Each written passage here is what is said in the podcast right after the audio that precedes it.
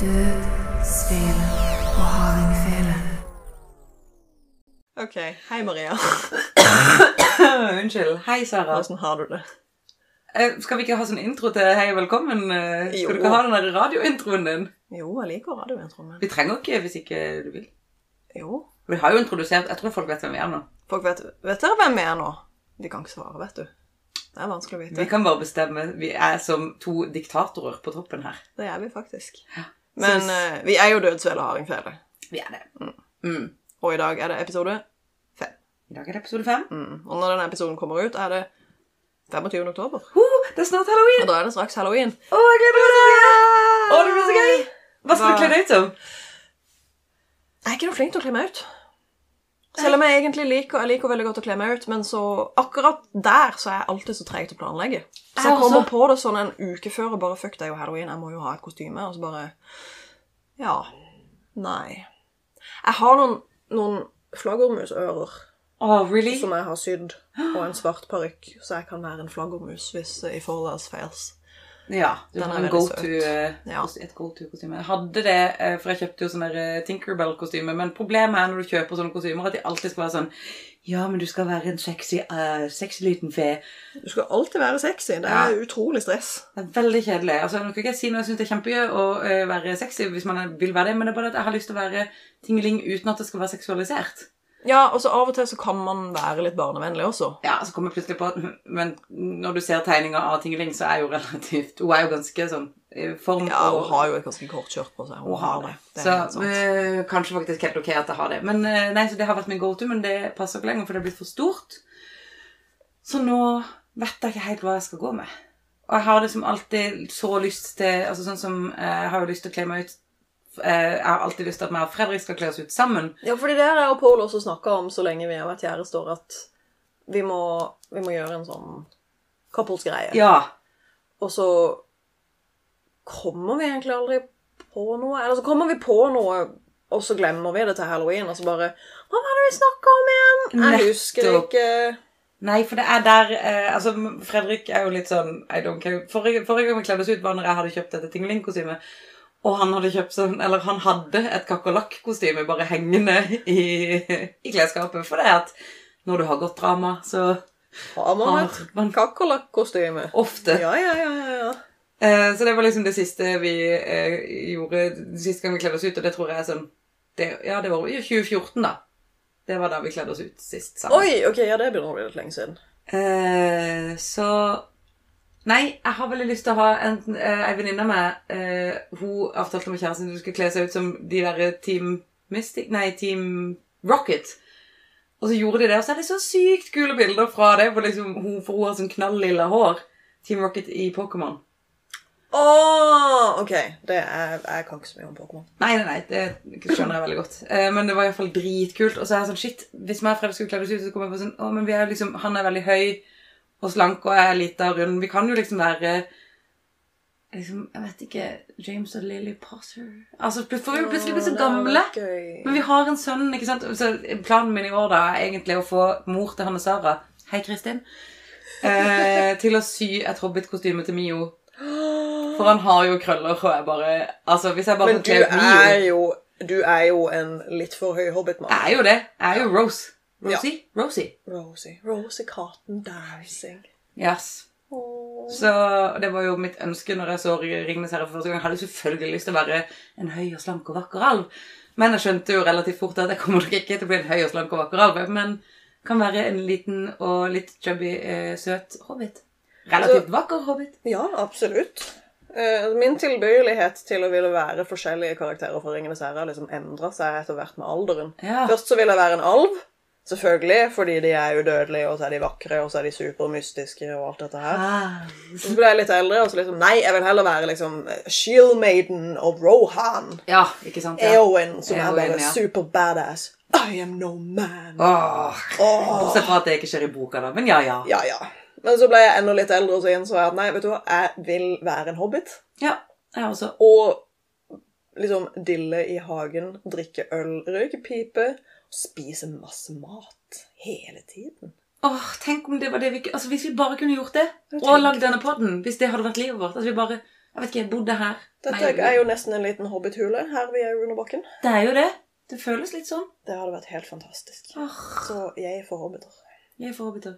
Altså mitt, ja, når vi snakker om kostymer Mitt andre go to-kostyme er Death fra The Sandman. Ja, åh, Men er den kul. makeupen tar meg typ to timer.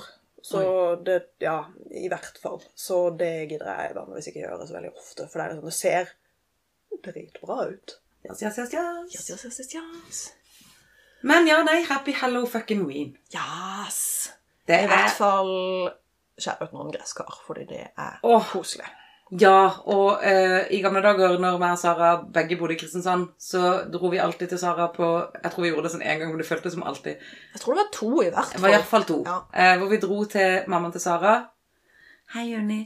Eh, Hei, mamma. du er kul. Eh, og så hadde Unni, eller da mammaen til Sara, hadde, eh, hadde rett og slett eh, hun hadde rista gresskarkjerner.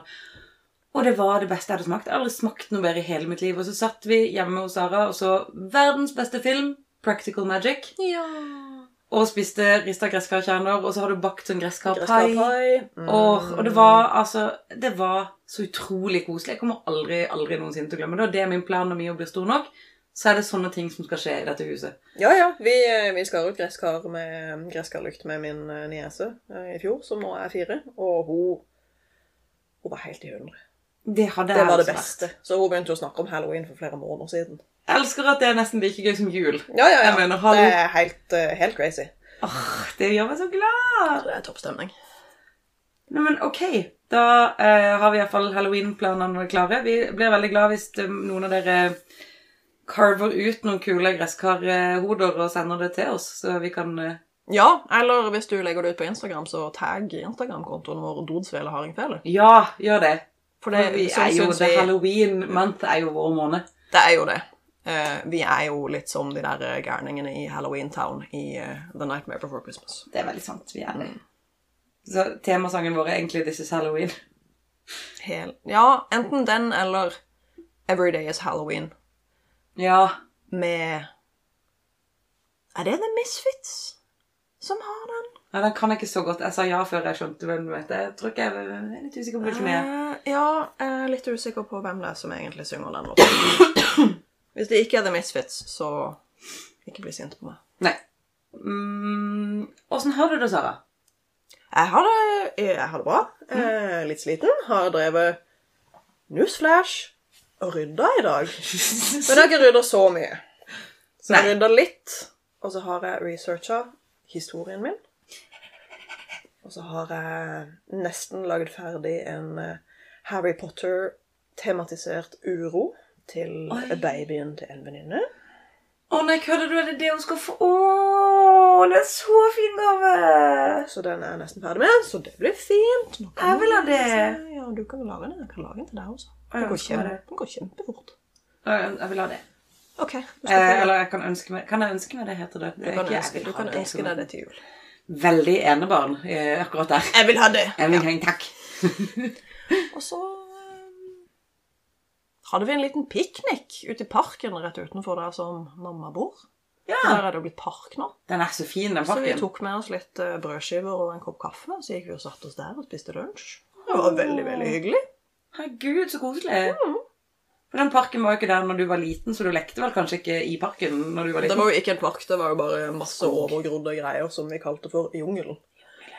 Det var egentlig enda kulere enn Det parken. var jo det. Ja. Vi må jo innrømme at alle de gjengrodde skogene vi har lekt i, er de gøyeste skogene. Det var veldig veldig mye spennende som skjedde uti der. Ja. Ja, Det var skikkelig stas. Det var mye brennesler også. Au, au, au, au. Ja, det Ja. blir man traumatisert av. Men, eh, men eh, ja, man lærer kanskje litt også. Kommer helt an på hvilken type barn man er, men ja. Eh, ja, det er sant. Utover det, ja. Nei, jeg vet det er veldig hektisk, men jeg vet det er en veldig bra dag. Så nå er det sånn, man gleder jeg meg veldig til eh, å fortelle en historie, og høre en historie. Ja, jeg gleder meg dritmye. Jeg er også veldig fornøyd med at vi har eh, lagt til en artefakt på godeste Christian Loftus, vår social distancing-bamse. Eh, fordi at i dag har jeg vært og tatt eh, koronatest. Mest sannsynlig så har jeg jo ikke korona. Eh, jeg har nok ikke det. Du har nok antageligvis ikke det, men, Men, vi eh, holder klokelig avstand likevel. Vi holder klokkelig avstand. Ehm, men da sitter da godeste Christian Loftus, eventuelt The Teddy Bear, og har da fått seg en fele. Mm, det er social distancing-fela. Japp.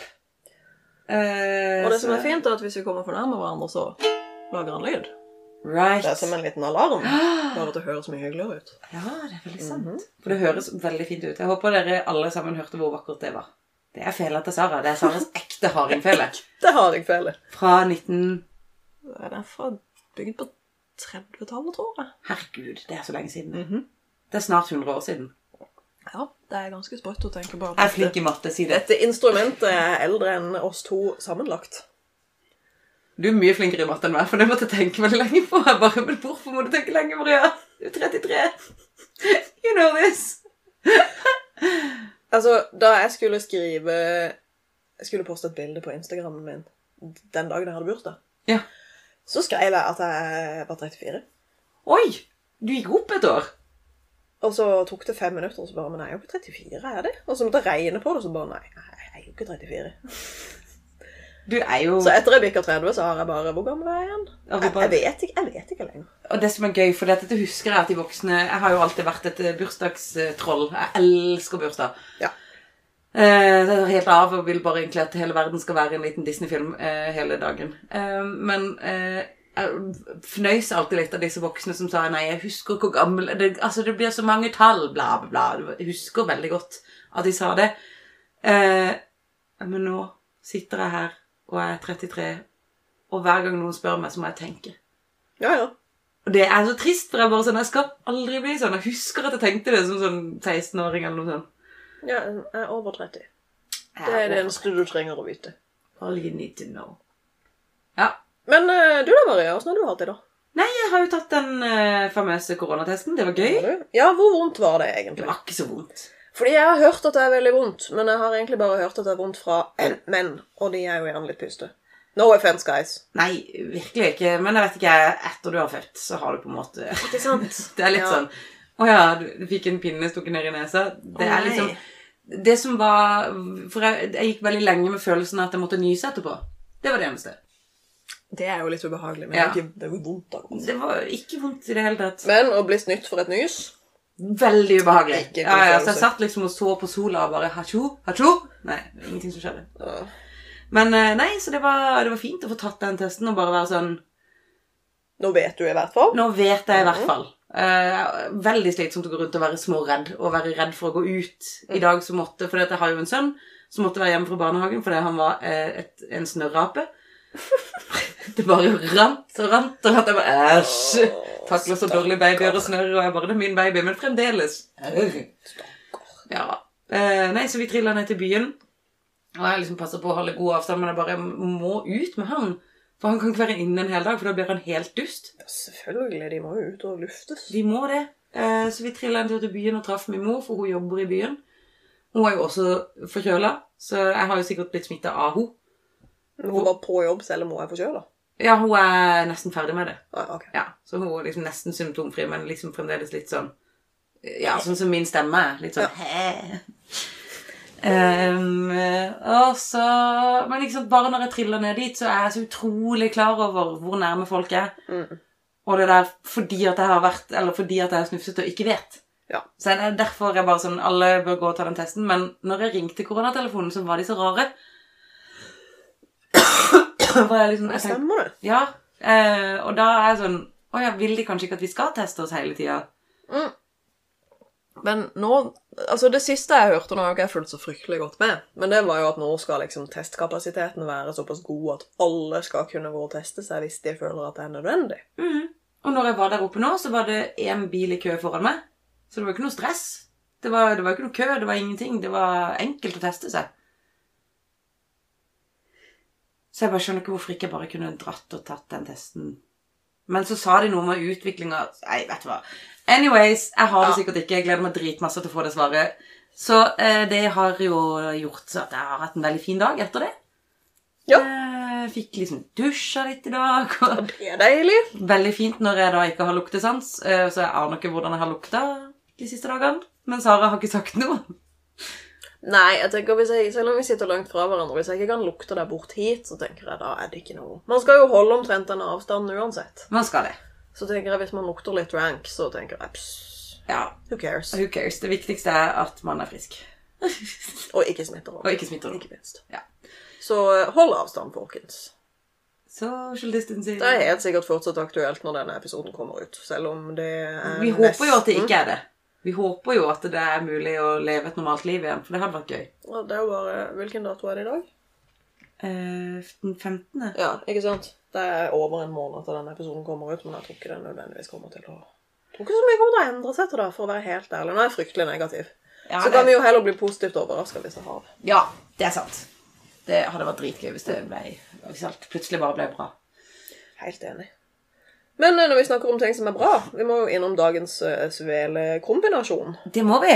Vi har, eh, jeg har jo fått litt smakssans igjen fra siste episode. Det er digg. Det er jo helt topp. Eh, problemet er at jeg ikke har vært på butikken, for jeg var så redd for å gå på butikken. Så derfor så Men jeg synes ikke det var, altså, jo, nei, de har vel ikke De, hadde har ikke den. klikbolen, Nei, de nei. hadde ikke det, vet du. De har nok ikke det. Nei. De har en kirsebærsider der som er veldig god. Skal huske det til neste gang. Mm. Um, men nei, så da, i dag har vi jo samme sveler som i går. Det har vi. Jeg har samme tilbehør. I går, nå er det dumt. Siden forrige episode, da. For det, denne slippes jo en uke etter forrige episode. Ja, det er litt komplisert for, for oss. Unnskyld. Ikke dø. Nei. For oss er det jo i går, fordi vi har eh, innspillingsmaraton som vi har holdt på med den siste uka. Yes. Men eh, for dere så er det jo da forrige uke. Mm. Så forrige episode. Si. Forrige episode. Det må vi prøve å huske å si tydelig mange ganger. Ehm, så nei, forrige episode så hadde vi en svele uten eh, Hjortetaksalt. Jeg er så redd for å si det nå, for jeg sa feil i forrige episode. Så Hjortehorn Hva var det du sa? Ja, forrige horn, episode? Det var hjortesalt. veldig morsomt. hjortehornsalt. Ja, det er et eller annet sånt. Hjortetakkesalt. Ja. Hjortetakkesalt, tror jeg det var. Og det er feil, ja. sant? Det var derfor jeg ikke sa noe nå. For det- nå måtte Ja. jeg bare la deg si det. For jeg husker ikke hvordan Vi kan godt kalle det hjortetakkesalt. Jeg syns det var veldig forvirrende at det heter både hjortetakkesalt og hornsalt. Hvorfor kan det ikke bare hete en av delene? Veldig forvirrende. Jeg ble, jeg ble, jeg ble kjempeforvirra. Eh, men nei, det er da samme som i går, for samme som forrige episode. Eh, Bortsett fra at jeg nå bare har en CB. En basic pilsner. En basic pilsner. Men det er en CB lite, så det er litt færre kalorier. Og det er sikkert sunt når vi spiser så mye svele. Sunneré. Sunnere. Sunneré, Ja. tror jeg vi sier. Ja. Eh, Og hva har du på svela di?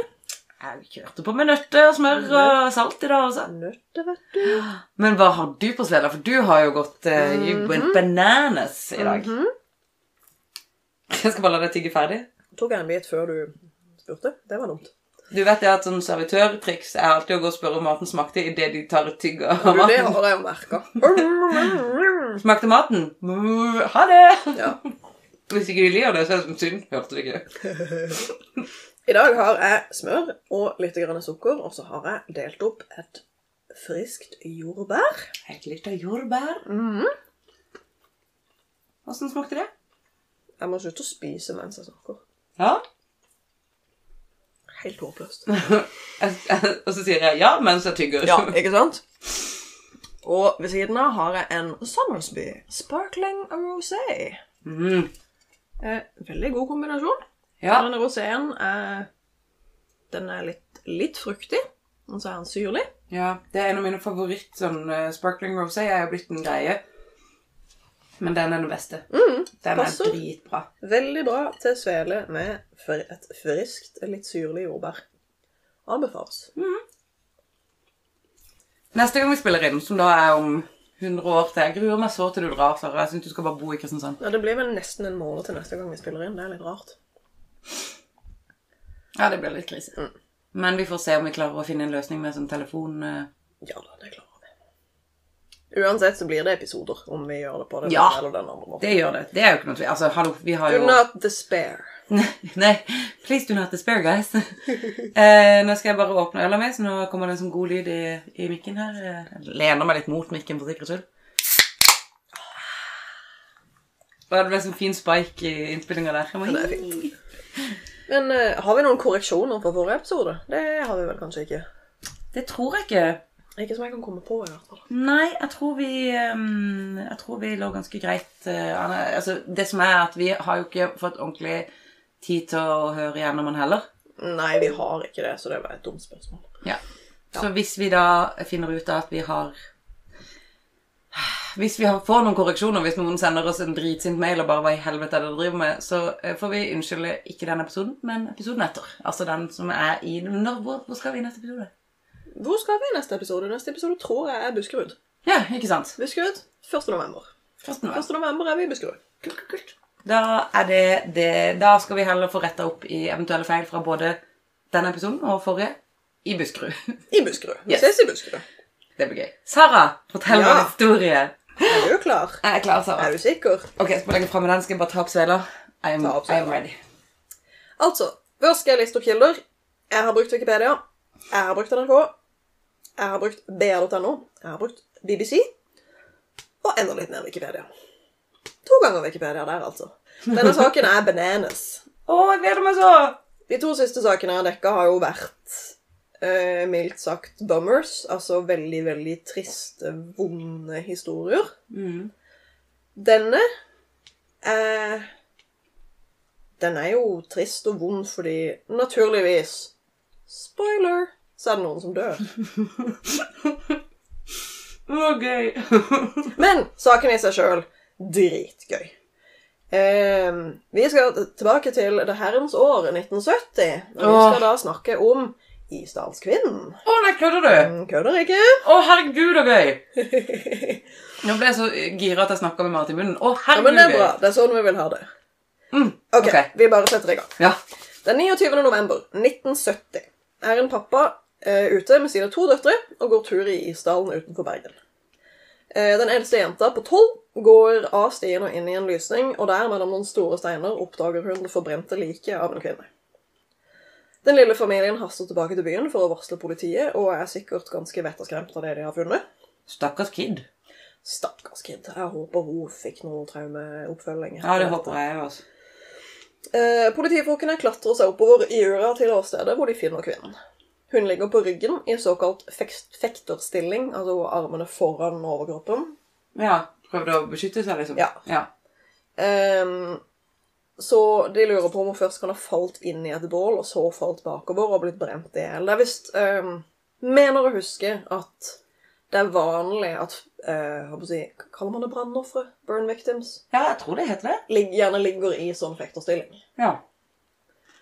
Ehm, de plukker opp gjenstander på åstedet som var tilhørt kvinnen. Eh, biter av klær, en paraply, to plastflasker, en flaske likør, en klokke og smykker. Det rare med disse gjenstandene er at alle merkene i klærne er klippet av. Alle identifiserende markører på andre gjenstander er slipt vekk, inkludert på plastflaskene. Hæ? Kvinnen har heller ikke på seg klokken eller smykkene, men de er plassert ved siden av henne, nesten som om det var en del av et slags ritual. Oh, dette passer så bra til halloween! I know! Eh, de, finner ingen peke, eller, de finner ingenting som kan gi pekepinn på hvem kvinnen er.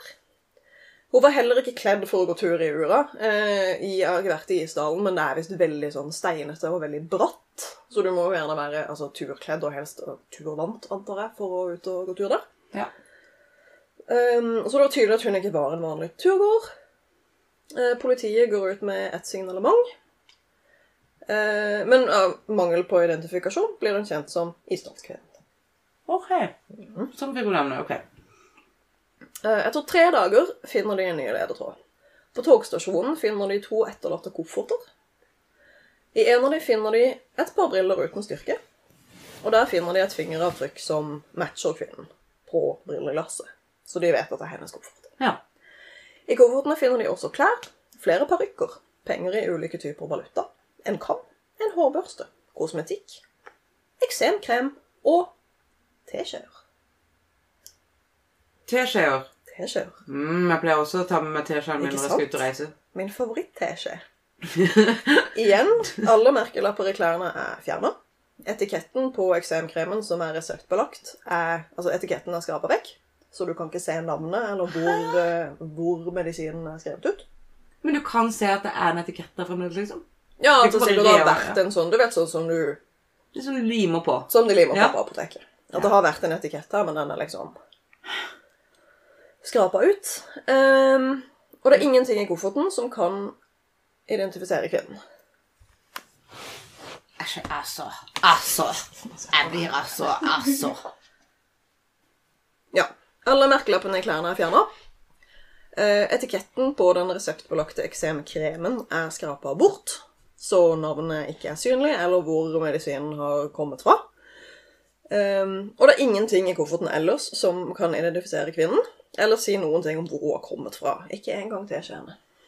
Altså, disse teskjeene. Jeg er så imponert over at noen tenkte dette tar jeg med meg.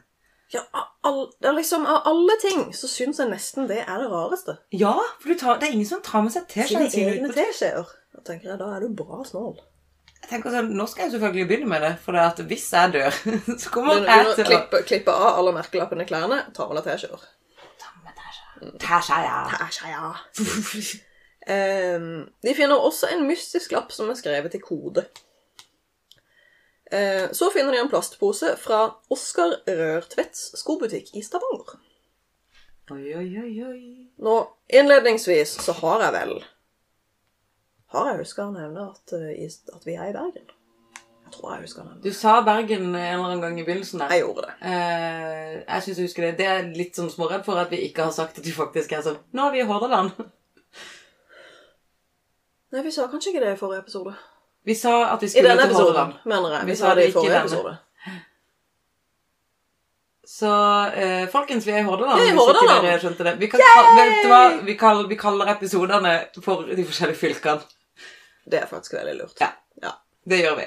Nå har dere, funnet, eh, nå har dere lært hvordan vi klarte å finne ut hva vi skal kalle episodene våre. Yay! Vi er flinke! Dette er sånn man lager bra podkast. Som vi har sagt tidligere, eh, læringskurven er bratt. Mhm.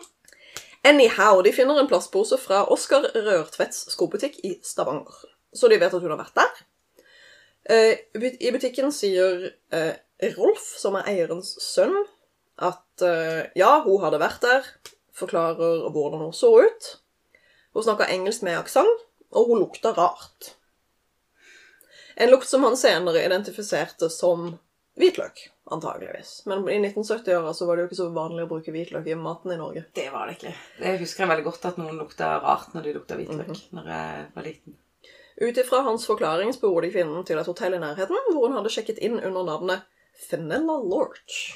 Unnskyld meg, jeg sier det igjen. Fenella Lorch. Ok, så du vet eh, tøysenavnet til Phoebe Buffet? Regina Falangi. det er litt det samme. Ja, jeg tror kanskje Fenella Lorch er søstera til Regina Falangi. Jeg tror kanskje det. Falangi? Ja. Det, det, er, også, det, er, det er også phalangis, som i fingre, Ja, ja. fingregreier. Men, men eh, det, er, det er Phoebe sitt tøysenavn. Så hver gang hun skal liksom være en annen person, så er hun Regina Falangi. Jeg liker det. Jeg vil også ha et alter ego. Ja. Eller så er det Princess Banana Hammock, men det er når hun bytter navn. Jeg elsker Phoebe. Jeg må slutte å se på Friends. Jeg syns ikke det er så morsomt. Nei, jeg vet det. Alle, alle som eh, er blitt voksne, syns ikke det er morsomt. Det er bare meg som lever i gamle dager og elsker Friends fordi at jeg syns Chandler og Phoebe er gøy. Det er lov. Det er lov. Ja. I hvert fall Fenella Lorch. Mhm. Det eneste problemet med Fenella Lorch er at hun het jo ikke det. Nei, sant? Fordi at det var et alter ego. Altså, Det sant? var et alter Regina ego. Falange. I knew it. Regina Falangi. Eh, Politiet finner ut at hun har bodd på flere forskjellige hotell i Norge, og brukte ulike navn på hvert sted omtrent. Og siden den gang da så brukte de fleste hoteller eh, pass som identifikasjon. Fordi altså Internett fantes jo ikke. Hm. Ehm, så er det en liste over ehm, hvor hun har bodd, og hva hun het på de forskjellige stedene. Hun bodde altså i Oslo i mars 1970 under navnet Jean-Vieve Lancier. Herregud, så fancy navn hun Ja, klarte å super finne. fancy. Så smart hun er. Eller sånn, ikke så smart hun er. Men hvis jeg først skulle hatt masse fake juksenavn Jeg hadde hatt veldig gøy med å komme opp med sånn der eh, Regina Falangi. Ja, jeg tror jeg hadde vært sånn der eh, Aurora For det hadde vært sånn der alle Disney-prinsessene. For check, check. Aurora Jasmine Åh, jeg hadde brukt Arielsen. Ja! Å, herregud, så gøy! Å, men- ok, eh, jeg skal lage en liste som jeg skal legge ut på Instagrammen vår over mine juksenavn. Det Mm. syns jeg er en strålende plan. Ja. Det er greit. Fortsett med juksenavnene. også. Ja, i ja. hvert fall. Skal vi se. Eh, også i mars 1970 hadde hun bodd på to forskjellige hotell i Bergen. Da under navnet Claudia Tielt. Claudia Tielt.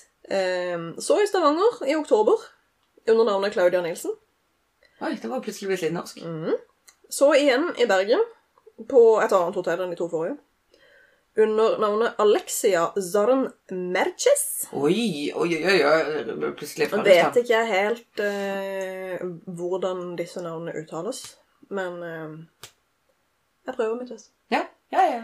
Så i Trondheim, under navnet Vera Jarle Uttales nok ikke sånt. Vera Jarle. Tror det, ja, jeg tror det skal være typ, enten tysk eller eh, østerriksk. Ja. Så igjen eh, har vi Fenella Lorch. Det var jo også i Stavanger. Vanilla Lodge. Så, under navnet Miss Vanilla- Len Hofer Len Hofer. i Bergen i november.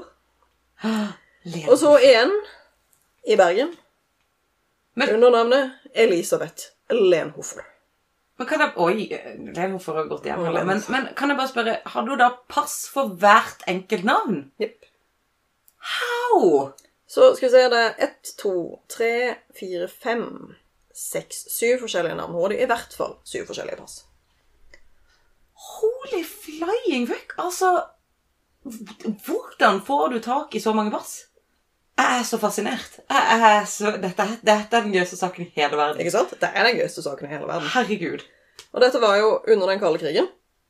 Eh, og da var det jo mye spionasje i øst og vest. Oh, yes. Quite literally. Quite literally sykt mye. Veldig, veldig skummelt. Så det begynte å gå veldig mye rykter om hvem denne dama kunne være. Eh, det var noen som trodde hun var fra Russland. Eh, noen som trodde hun kunne være israelsk etterretning. Fordi de hadde vært og tatt livet av en fyr som de trodde var terrorist, på Lillehammer et par år senere. Altså I ettertid så tror man at hun kanskje kan ha vært eh, fra israelsk etterretning. Ja. Og de var jo da tydeligvis i Norge i dette tidsrommet når jeg var her, ja. Ehm, den norske etterretningstjenesten etterforska også saken. Eh, men etter hva jeg har skjønt i de artiklene jeg har lest, så innrømte ikke de det før mange år seinere. Men det er jo Etterretningstjenesten, så de skal jo på en måte være, holde munn om det de holder på med. Ja, eh, helt Ja, ok så det da, er pilot helt der. Jeg innenfor. ble Ikke sur for at de ikke sa noe. Eh, obduksjonen av kvinnen viser røykpartikler i lungene, altså bare hun i live. Ah, når hun døde. Åh, Da hun brant. da Hun var i live da hun døde. Nå hørtes vi så smarte ut. Hun var i live da hun døde. Hun var i live da hun døde. Ja, var jeg heldig da, at hun var i live når hun døde. Ja, For det at hvis ikke så er du liksom død to ganger. Det er så Ja, det er kleint. sant. Hva faen. Jeg må se Beetlejuice igjen. Ja. ja. Eh, nei, så hun var da i live når hun falt på bålet, rett Ja. og slett. Hvis det er det hun har gjort. Ja. I tillegg fant de rester av bensin eh, på bakken under liket. Så de stadfester at bensin uten tvil var blitt benytta. Så sannsynligheten for at hun da ble dynka i bensin og så blitt påtent, er jo tilstedeværende. Å, fy faen, det tror jeg er den s- den verste måten å dø på. I tillegg finner de 50-70 sovepiller av et merke som heter Fanamol, som man ikke får tak i i Norge, eller ikke fikk tak i i Norge på den tiden, i hvert fall i magen hennes. Eh, men de var ikke fullt absorbert. Å, herregud. Så hun døde av en blanding av eh, fenamolforgiftning og karbonmonoksidforgiftning. Dødsårsaken ble sagt å være selvmord, men det var mange som ikke trodde på den teorien. Ja. Av ymse grunner. Ja, det er jo mange, mange grunner til det. Altså sånn Altså, jeg kan nesten ikke begynne å snakke engang. Fortsett. Jeg må bare Jeg skal fortsette. Eh, De avslutter saken i 1971 fordi det er umulig å finne ut hvem i all verden denne dama er. Men de må jo, hun må jo begraves, så det gjør de. OK. Politiet trodde kanskje hun kunne være katolikk. Jeg regner med siden en del av navnene hennes er fra typ Syd- eller Øst-Europa, hvor katolisisme er relativt utbredt. Mhm. Så de organiserte en, en eh, katolsk gravferd med en katolsk prest som leste noen fine ord. Eh, Det syns jeg jo var Det syns jeg var fryktelig, fryktelig hyggelig gjort. Jeg er helt enig. Ja, jeg synes det er veldig, veldig bra. Flinke, snille folk som har bestemt dette. At de iallfall håper Jeg håper de ga henne en verdig død, da. Eller verdig begravelse, heter det. Ja, det virker jo sånn. Det virker som at det var en fin seremoni.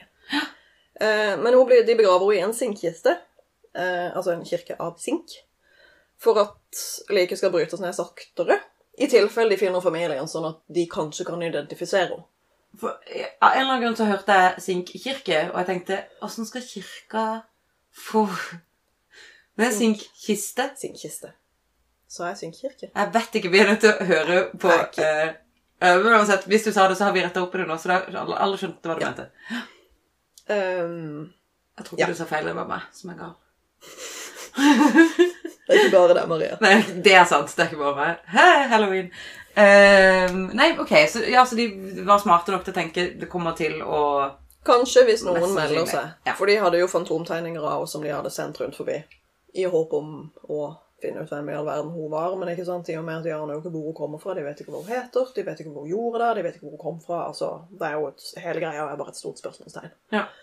Men sånn i tilfelle noen skulle melde seg, så er det jo lettere Altså, du får jo ikke identifisert noen som har ligget i jorda veldig lenge i en vanlig kiste. Nei, Men i en sinnkiste så går tydeligvis da liksom nedbrytinga av, så fancy. av like veldig mye saktere. Maybe because the worms doesn't like it. Nei, den, eh, ja, det er jo sikkert Jeg regner med at den, kanskje den, fordi den er litt mer lufttett. Ja, jeg tenkte også det var en Ja, det er tanken noe luft-greie som gjør at eh, makken ikke Åh, åh. Det er det verste jeg vet i hele verden. Sånn likmakk, det takler jeg dårlig. Det er vel ikke så fryktelig mye likmakk i lik som begraves, egentlig, så lenge de er preppa. Eller kanskje Hvordan brytes de ned, da? Hvis ikke det er makk? Eller Noen må jo bryte det Ja, ned. Det er egentlig et veldig godt spørsmål. Nå tror jeg jeg tenkte på noe annet, og så sa jeg noe dumt. Altså, Det er helt tydelig at ikke jeg har vokst opp med serien Six Feet Under. Eh, Jeg så som første sesong, og så husker jeg ikke noe mer. Jeg har ikke sett mer enn første sesong. Kanskje jeg skal begynne å se på den. Ja, men jeg mener å ha hørt et eller annet om at fordi når et lik balsameres, så fjerner du jo alle de indre organene. Ja, Og så blir man eksaminert, altså alt blodet blir vel tatt ut. ja. Eh, så det er jo egentlig ikke så veldig mye igjen av det annet enn et skall, på en måte. Ja. Ehm.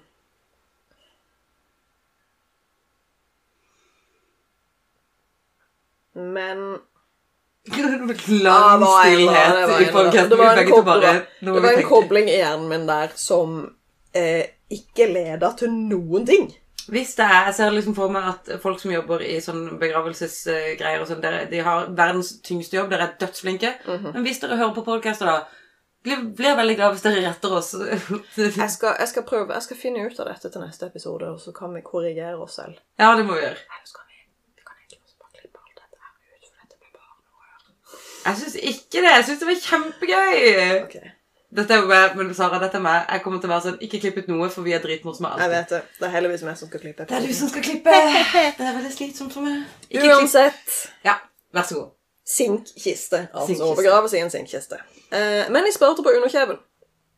Fordi hun hadde flere gullkroner, eh, som var uvanlig for en person på hennes alder. Altså gull Gull i tenner var jo Jeg vet ikke når det var vanlig, men det er ganske lenge siden. Ja. Antageligvis lenge før 1970. Ja. Eh, I tillegg så var håper jeg, å si, altså arbeidet i anførselstegn, måten tennene hennes var fiksa på, eh, ligner ikke på en måte man gjør det på i Norge. Så det var jo helt tydelig at hun ikke hadde vært hos en norsk tannlege. Ja, selvfølgelig. Ja, ja. Vært hos en eh, kan ta det til. Eh, så det var en professor i tann... Jeg regner med at det er professor i tannhelse på norsk. Dette har jeg fra en BBC-artikkel på engelsk. altså På engelsk er det jo 'Professor of Dentistry', eh, som en gislebank. Han sparte på kjeven i håp om at noen eksperter en dag kanskje kunne finne ut hvor, hvor dama kom fra, ut ifra tennene hennes. Ja, selvfølgelig. Eh, Men etter han døde, så trodde alle at kjeven var blitt borte.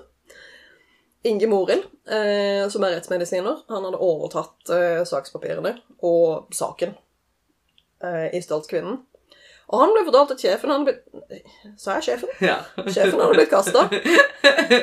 Typisk sjefen å bli kasta.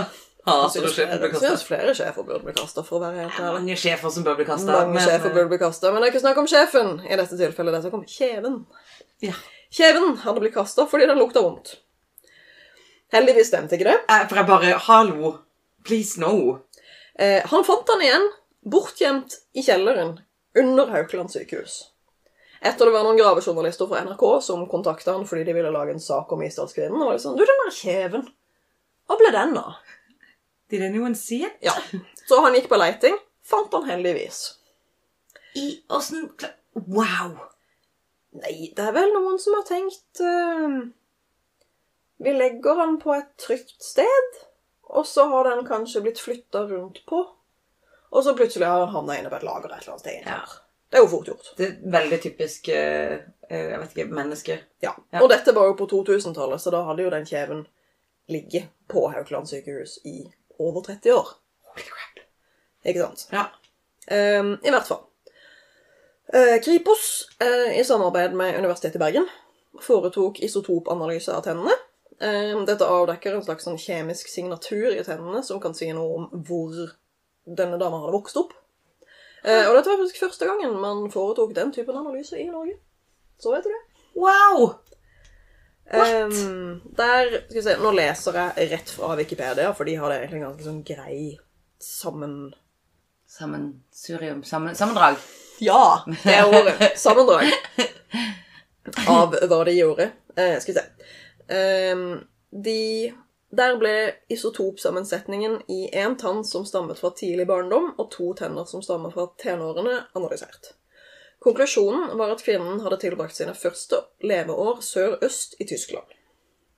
Deretter kan hun ha flyttet vestover og tilbrakte tenårene i regionen Lorraine i det nordøstlige Frankrike på grensen til Luxembourg og Vest-Tyskland. Den sistnevnte konklusjonen stemmer overens med håndskriftanalyser som er utført av Kripos, som peker mot at Ils- Isdalskvinnen fikk skriveopplæringen sin i Frankrike, Belgia eller et annet fransktalende land. Dette kan man finne ut, da! Fra tennene? Fra tenner- og håndskriftanalyse. Herregud, så sykt. De kan, jeg regner med at det er ting som er i jorda, og ting som er i vannet. Der du vokser opp. Ja, ja.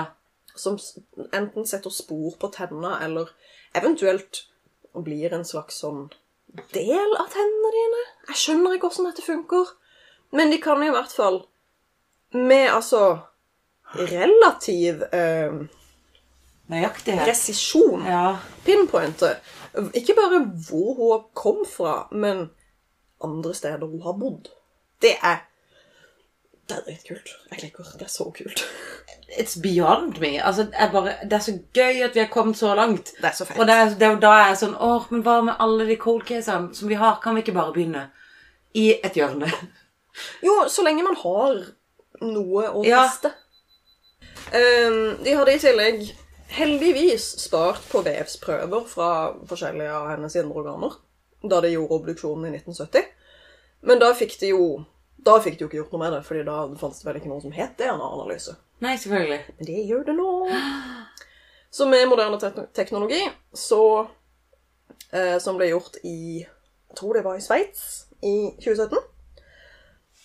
Så kom de frem til at kvinnen etter all sannsynlighet var europeisk. Det er jo altså Når DNA blir gammelt, så er det jo deler av sekvensene som brytes ned, så du har jo ikke en full sekvens. Men de kunne visst utelukke at hun Hun var ikke fra Afrika. Hun var ikke fra Asia. Ja. Så jeg tror de liksom utelukka egentlig alle andre verdensdeler enn Europa. Og at sannsynligvis så var hun herfra. Så da har Herregud. man jo da tenner, håndskriftanalyse og det, da. Så da vet har man jo stebra seg inn på at hun var sånn cirka herfra. I Tyskland, Luxembourg, Belgia, Frankrike-området. Ja. Ikke rart hun hadde så mange kule navn, da. Altså sånn. Nei, jeg nei, tenker nei. på eh, språk, ø, språk, språket som var rundt der, liksom. Mm. Ja.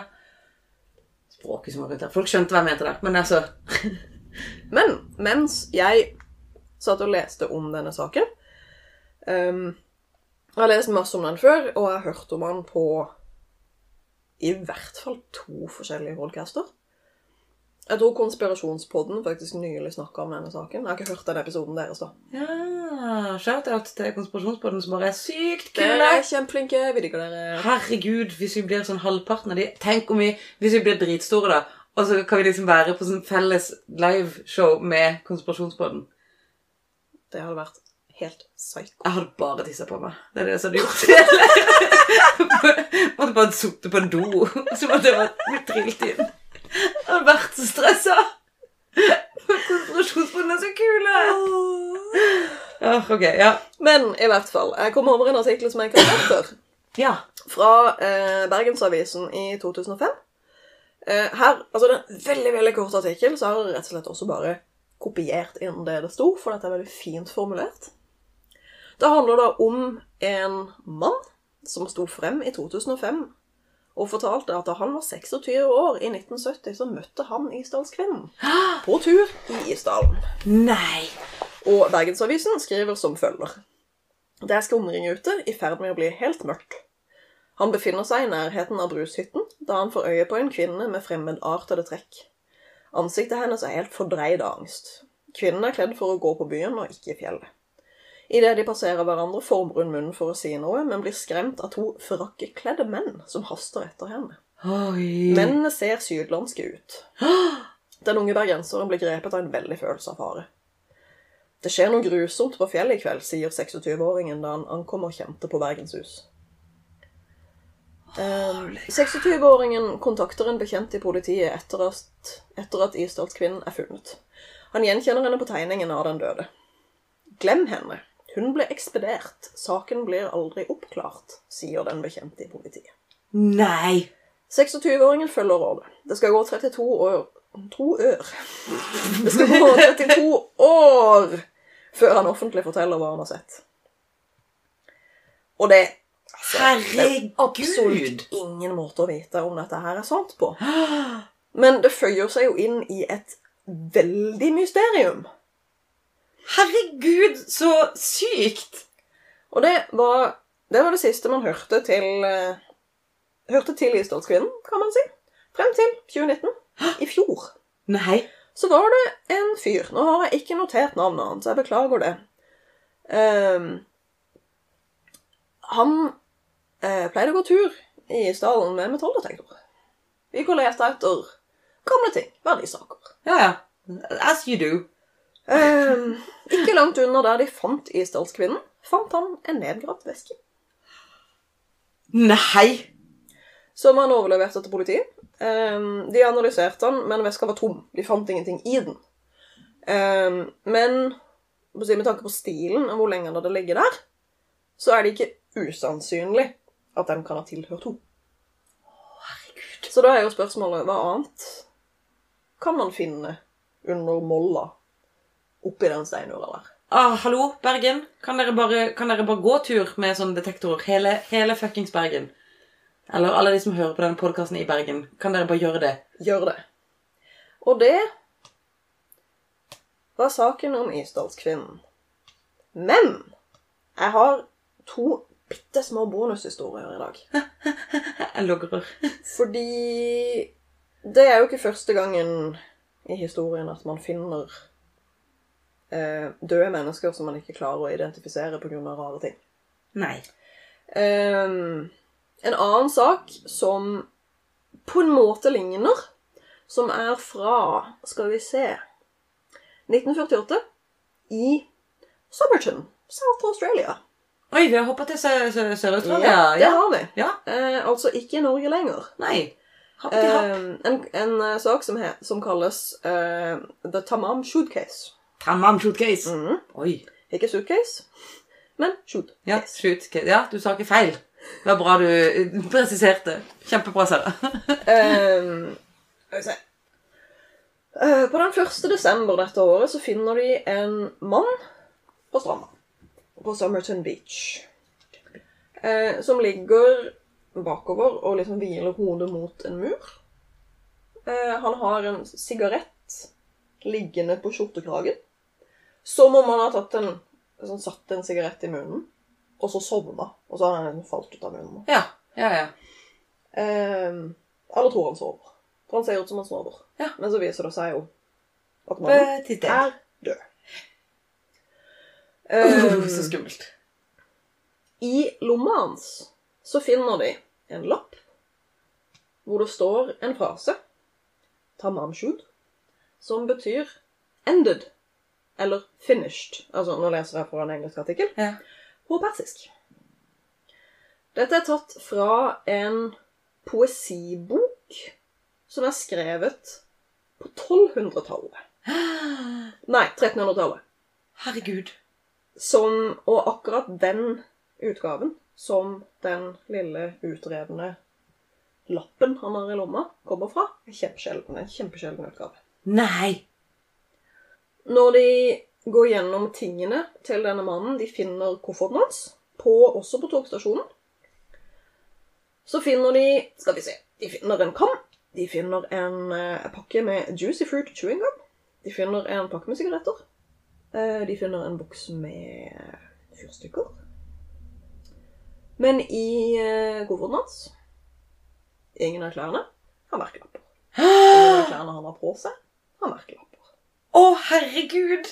Jeg sitter Og med, med- åpen munn og bare Og med unntak Nå leser jeg veldig veldig fort gjennom her. Eh, med unntak av sigarettene og hva skal jeg si, fyrstikkesken og dette, så er det ingenting som har merker på seg av noe slag. Det står noen navn i noen av klærne hans. Eh, en, sl- et slags sånn Et merke eller et stempel som jeg lurer på om man får eh, hos eh, eh, dry cleaners i militæret. Ja. Eh, men det navnet var ikke hans navn, fant jeg ut. Altså, jeg, jeg, jeg, jeg har ikke ord. Dette er så sykt. Ja. Denne, altså det er mye, mye mer til denne saken. Den er også om mulig enda mer bananas enn i Statskvinnen. Så hvis det er noen som er interessert i denne typen konspirasjoner, les, les noen artikler om The Summerton Man. Um, My Favorite Murder har også laget en episode om denne. Ja. Det er episode nummer 50. Hvis jeg ikke husker feil. Den er veldig, veldig morsom. Men det er en ting til. Altså, jeg bare sitter her litt sånn eh, Det er veldig sjelden det blir sånn stille, men jeg kjenner at jeg blir bare sittende og gape og Jeg må vente på bare- mer. Som en liten babybird. Sara hørte ikke den veldig morsomme spøken min om en little babybird, men ja, ja. Alle dere andre lyttere, dere hørte hvor gøy jeg var. Ok, nå bare leser jeg dette rett fra Wikipedia-artikkelen på engelsk. Ja. Uh, in June 1945, three years before the death of the Somerton Man, som jo da er han, med, han på stranda med Ja. sigaretten på kragen A 34-year-old Singaporean named George Marshall was found dead in Ashton Park, Mosman, Sydney, with an open copy of the Rubaiyat of Omar Khayyam on his chest, den samme boka som den lappen The Somerton Man hadde i lomma kommer fra. Jeg klikker. Jeg begynte å sikle. Ehm, så hva er det med mystiske dødsfall og denne kjempegamle persiske diktsamlinga? Men var det noen sånne hint på Isdalskvinnen? Nei, hun hadde Ja, det har jeg faktisk glemt å nevne. Hun hadde jo denne Hun hadde én lapp i kofferten som var skrevet i kode. Men det viste seg at de kodene de var veldig veldig enkle. Det var rett og slett oversikt over eh, flyreiser. Hvor hun hadde flydd fra, og hvor hun hadde flydd til. Ja. Ehm, og det hva skal jeg si, når du når du vet at det er det som er greia, og du ser på lappen, så skjønner du med en gang å ja, ok, det er faktisk ganske åpenbart at det er det som er koden. Så jeg tror det tok politiet så veldig lang tid å knekke. Eh, så det, det kan jo egentlig det kan jo bare bety at hun var sykt dårlig til å skrive reisedagbok. altså. Ehm, ja ellers så Men utover det, nei. Utover liksom parykker, teskjeer, valuta, Hva er greia med de teskjeene? Tror du det står noen teskjeer i denne persiske boka? kanskje. Det må vi sjekke. Vi må faktisk sjekke det. For dette, det er så utrolig random ting å ha med seg, så det må, jo, det må jo være en grunn til at du har Eller det er jo sikkert ikke hun. Dette er jo noe som mafiagreier eller en sånn tempelridder eller et eller annet sånt syke greier. Ja, altså Man kan jo virkelig lure. Det er jo, altså, De aller fleste tror at hun må ha vært spion av et eller annet slag. Særlig siden hun hadde så mange forskjellige pass. Ja! Hvem er det som har det, liksom? Nei, det tror jeg også. At jeg er 100 sikker på at hun er spion. Men det er bare det at når du plutselig har de to andre dødsfallene der, som også er sånn Hva er dette? Og så er de så like. Kjemperart. Men det vil da si at det er eh, det, må- Nei, jeg tror det må være en sånn herre Ja, kanskje ikke tempelridderen, da, men eh, Nei, altså, han eh, Han i eh, The Tamam Shood Case, altså Ja. han de kaller Summerton Man, han hadde eh, tilknytning til militæret. Fant de ut. Ja, men det, bet- det hjelper meg jo ingenting med tanke på at han har en persisk eh, dikt eh, avrevet på altså, det, Nei, og så står det det, altså It's finished. Det er avslutta. Ja, så det er jo helt tydelig at han Ja. er He is ended fordi at det. Ikke sant? Ja. Selv om han aldri vet hvorfor. Det er Eller sikkert fordi at han har kanskje- gjort noe kan- galt. Kanskje det var noe annet som var avslutter. Det er jo helt umulig å vite. Men i hvert fall Kan jeg bare spørre om en ting? Ja. Eh, tok de eh, sånn eh, Sjekka de eh, magesekken hans for sovepiller? Eh, ja. Eh, rettsmedisineren kunne ikke finne noen tegn på at han hadde blitt forgifta. Han hadde spilt en, spist en, eh, en pasty That's it, liksom. før han døde. Eh, men han antok at det var en eller annen form for forgiftning. Men dette var jo også i 1948. Ja. Eh, så det kan jo ha vært en, en eller annen form for gift eller noe som de ikke kjente til. Eller Ja. som ikke satte så mye spor. altså... Kunne vært sprøyta inn. Vanskelig å Bare sånn bitte vite. lite- Men eh, det så jo altså, det så jo ut som han bare hadde sovna. Dødd av naturlige årsaker. Men eh, det står også en del i Wikipedia-artikkelen om at de, de fant ting i hva skal jeg si, Da de obduserte han som var abnormale. Som kan bety eh, em, Så vidt jeg husker, som kan bety at han hadde blitt forgifta, men de fant ikke noe spor av gift, medisin, sovepiller i systemet hans. Holy crap. Men jeg kan sende deg link. Tamam Shoot Case og Joseph George Marshall, som var han som ble funnet i parken med den samme persiske diktsamlinga åpen på brystet. Jeg bare Jeg blir så Jeg, blir, jeg vet Altså, det er så konspirasjons... eh, Det er helt crazy. Ja. Jeg bare elsker sånne saker. For det er bare uan... Altså, det er bare Hva er det? Hva er det som har skjedd? Jeg skjønner ingenting, og det er veldig, veldig gøy. Det er så sykt gøy. Men så kan det jo hende holdt på å si, med moderne teknologi og alt dette her, kanskje en eller annen dag så finner man ut hvem hun egentlig var, hvor hun kom fra. Tenk om vi finner ut av det. Tenk, Det å, er Kjempespennende. det hadde vært så gøy. Men ok, så det, hun ligger fremdeles i denne her eh, eh, kirka. Singkirka. sin, sin kirka. Ehm, så hun ligger fremdeles en- et sted som liksom Det bare er sånn 100 decomposed, liksom. Det var det kanskje det, for det er fra 1970, dette. Det er fem- 50 år siden. Nei, Pretty dead. Da er det bare bein igjen. Ja ehm, Men altså, bein, det er jo DNA i bein også, på en måte. Men de har jo som sagt, de har jo vevsprøver, og de har underkjeven hennes. Ja, så de burde jo egentlig Altså, ja. Men Ja, men da må de jo ha andre DNA-prøver å sammenligne med. For Ja. å finne ut Altså, fi- hvis du skal finne familien hennes. Ja, ja, ja. Men hvis hun var eh, Men så har man spion- jo 23 and me. Det var jo sånn man fucka han eh, Golden The State. Golden State Killer. Fantastisk bruk av moderne teknologi. Ja. Moderne, eller nesten sosial Jeg vil jo nesten kalle det der for sosiale medier, bare med en twist av DNA, på en måte. Helt enig. Jeg synes Det er sånn Det er da jeg blir sånn Ja, Internett, nå er du kul. Ja, nå er du kul. Eh, Og så sleuths som bare Jeg skal løse denne saken selv fordi politiet ikke gjør det. Så får de det faen meg til. Ja, det er I så love it. Åh, respekt. Det er litt der jeg tenker sånn Kom igjen, da, folkens. eh, La oss være litt kule på Tina-saken og bare løse den. De jobber jo om saken. Ja, de gjør det. Ok, da trenger vi, ikke, vi trenger ikke å ta den. Ta denne. Ta Isdalskvinnen. Vi- Nå løser vi den sammen. Bare løs alle. Vi må løse alle. Vi må løse alle. Vi trenger kanskje ikke å løse den med han elgen, for det Den er på en måte såpass gammel Den var ganske ja, clear cut, og nå, nå er det såpass lenge siden at jeg tror ikke det er så mye man får gjort fra eller til. Nei, det er ikke det. Nei, det er ikke det. Shit, Sara. Takk for verdens gøyeste true crime-historie. Bare hyggelig. Jeg gleder meg så sinnssykt mye til å fortelle denne historien. For den Som sagt, jeg hørte den Jeg tror jeg hørte den først på And That's Why We Drink, for de har snakka om den der. Og så tror jeg også de snakka om den på My Har de Fav- My Favorite snakka om Murder. Isdalskvinnen? Ja. På And That's Why You Dig Fuck, altså, jeg må høre dem på Men nytt. det, er sikkert, det kan jo være en episode som ikke du har hørt, eller at du har sovna.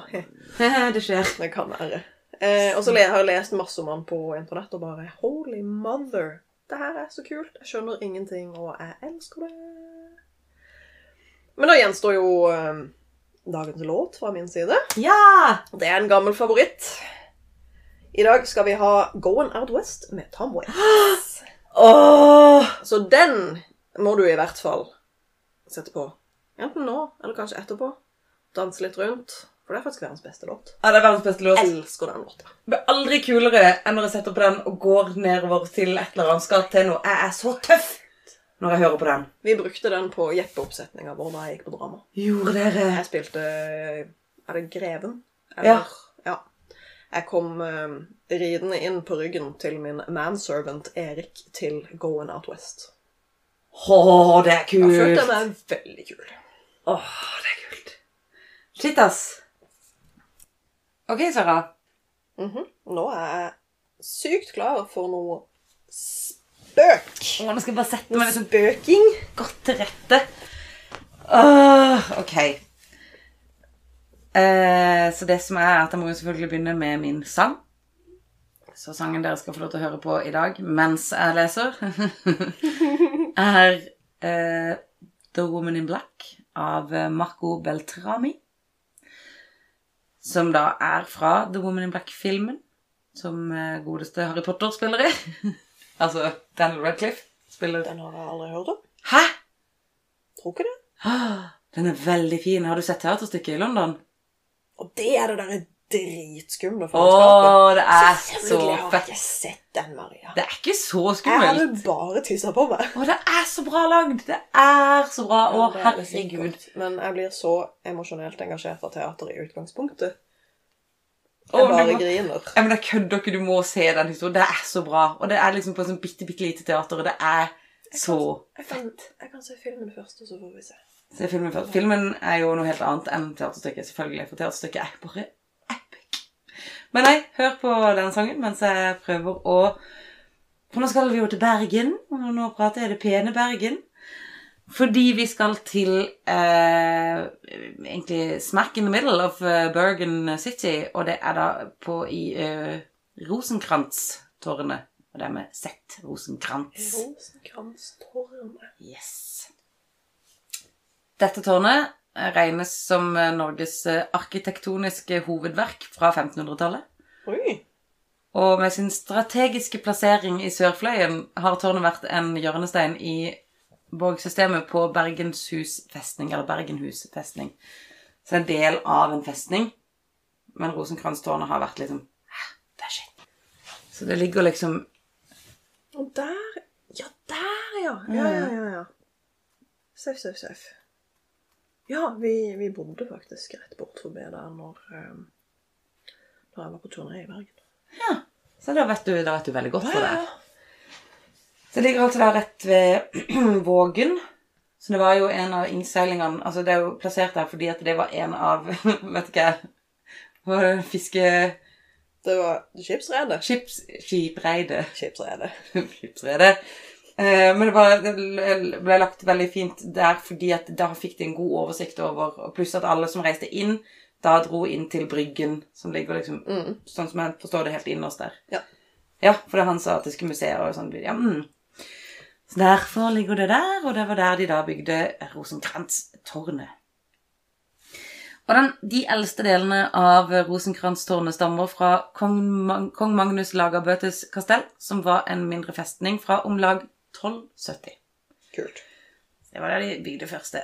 Ehm, Den neste store ombyggingen skjedde rundt 1520, eh, da en høvdesmann på Bergenhus, Jørgen Hansson, skriver, fikk et forverk, og det er alltid veldig gøy når noen heter, heter et ord som etternavn, for da blir det Jørgen Hansson skriver.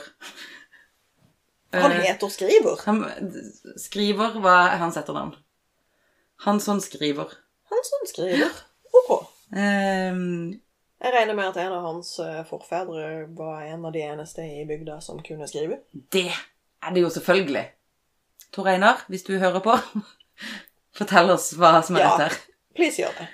Eh, grunnen til at vi alltid refererer til, eller jeg refererer til Tor Einar, er fordi at han er den eneste jeg kjenner som har eh, master i historie, så Yes. Eh, og det var der i 1520. Det neste som skjedde da, var at de eh, Det førte til at tårnet har forskyvninger i etasjehøyden, så de har liksom økt på på høyden da, i 1520. Ok. Ehm,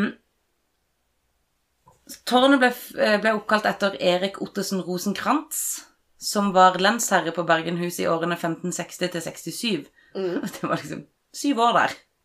Men han gjorde omfattende byggearbeid på tårnet og har æren for den vakre renessansefasaden byg... Den vakre renessansefasaden bygningen har i dag. Rosenkrantz hadde fått ordre fra kong Fredrik eh, den andre om å sette festningen i bedre stand, også militært. Så med skotsk arkitektur som forbilde, og med skotske håndverkere, fikk Rosenkrantz oppført det staselige residenstårnet, som i samtiden ble omkalt som Slottet. Ja, ikke sant? For det ser Det er veldig sånn gammel skotsk borg-type Det ser, ja, jeg også har sånn Eh, Jeg der ser den, altså. Når jeg har sett eh, Veldig gøy, siden jeg bodde i Bergen i et år. Kan ikke huske dette. For jeg gikk jo inn og så på det, og så bare Jeg gikk aldri ut dit. Jeg stoppa liksom på Bryggen, for det var der vi gikk ut og Men du drakk øl. ligger jo et bitte, bitte lite stykke utenfor liksom selve sentrum. Ja, Men det er jo ikke veldig langt. Det er ikke veldig langt, og jeg jobba i byen. og Jeg kunne bare tatt en liten rustetur etter jobb, men Ja ja, så dum var jeg når jeg var 22-21. Vi får ta en tur. Vi får ta en ekskur- ekskursjon til Bergen. da, Ja. vet du. Så kan vi gå en tur i Isdalen, og så kan vi gå og se på Rosenkrantz. Rosenkrantz. Eh, ja, de har, jeg tror de har sånne omvisninger der, så vi er nødt til å gjøre det. For de har omvisninger eh, jeg skal, Vi tar det etterpå. Ja. Ehm, tårnet har gjennomgått flere endringer siden 1500-tallet, men er i stor grad tilbakeført, slik at byglingen bygd... Jeg må gå og hente brillene mine, for det er derfor jeg sier så mye feil, for jeg leser feil. Skulle ikke du opp og hente brillene? Ja, dine i faen, sted? det skulle jeg Ok, nå eh, jeg skulle ønske jeg kunne si Vet du hva, vi setter på noe heismusikk. Da, da, da, ba, ba, da. All right, brillene er henta. Ehm, tårnet har gjennomgått flere endringer siden 1500-tallet. Stor grad tilbakeført, slik at bygningens ulike historiske hovedfaser vises. Det er veldig kult. Mm. Eh, på, altså, I nyere tid, så på 1930-tallet, så ble tårnet åpna for publikum. Eh, og eksplosjonen på Vågen i 1944, altså da krigen, førte, til, eh, førte til omfattende ødeleggelser på bygningen. Og ansvarlig for restaureringen var Gerhard Fischer. Og gjenreisningen var ferdig i 1966. Mm. Så Rosenkrantz-tårnet ble en del av Riksantikvarens eh, Riks, ble av Riksantikvaren erklært som en automatisk fredet bygning i 1995. I den 10. januar 2015 ble spiret på tårnet blåst ned av stormen Nina, som herjet på Vestlandet. Oi! Jeg bare Wow! Det har Altså, stått i det har så stått. mange år, og så kom Nina og bare fuck this shit. Ja. Seriøst. Helt sykt. Ehm, da spiret ble løftet på plass igjen i november 2015, var værhanen, som er en havfrue på dette Værfruen. Værfruen. Vær- Havær- havfruen. hav- Værfruen. Har værfruen? Eh, Det ble fikset, så den kan snu seg etter vinden og klare seg bedre når vinden står som verst. Spiret er over 10 meter langt og veier i alt 350 kilo. Holy shit!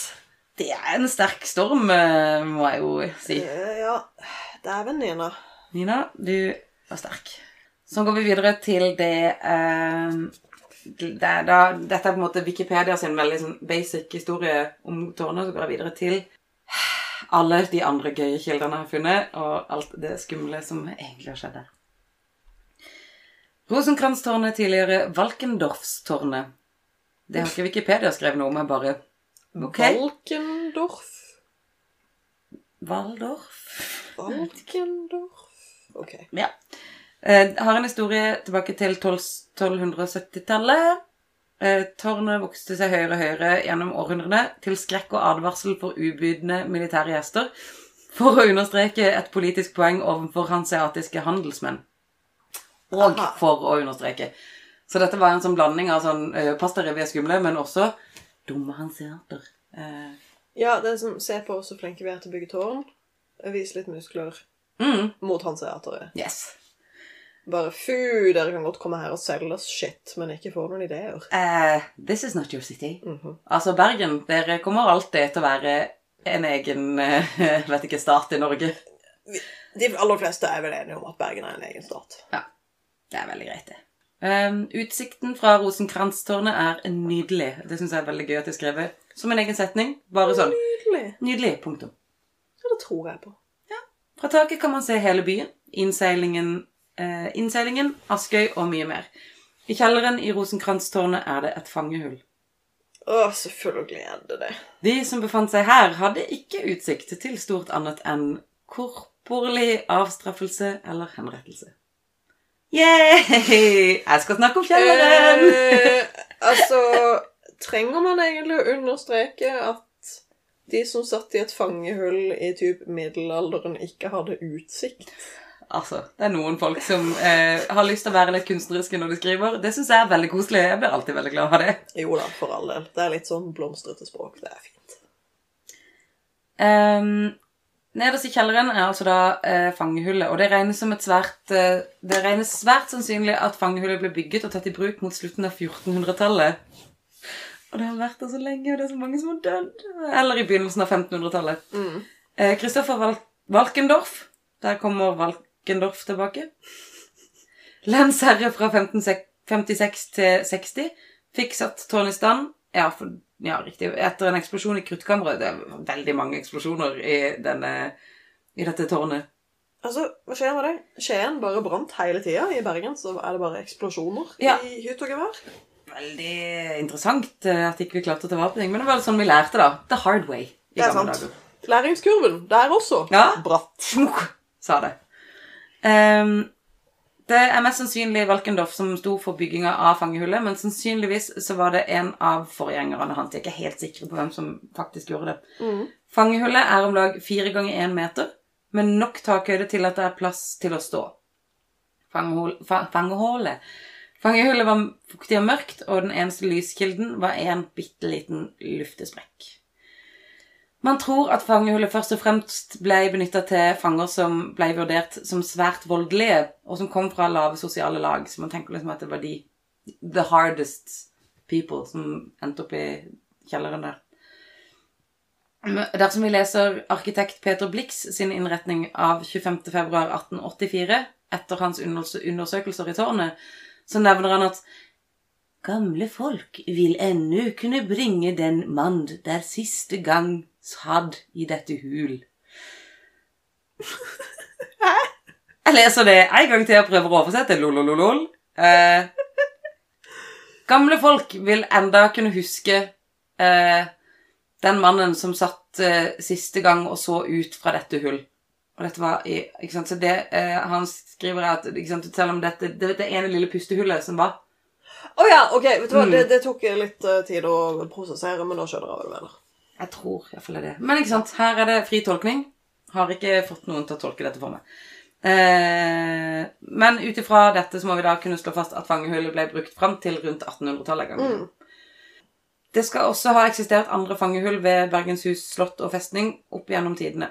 I Magnus Laga Bøtes bylov er Myrkstofa nevnt.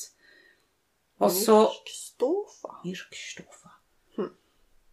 Så også et ransakshus. eh, Og Edvard Edvardsen forteller i sin bergensberetning fra andre halvdel av 1600-tallet om to høye tårn som i kjelleren inneholder adskillige fengsler for misdædere Misdædere?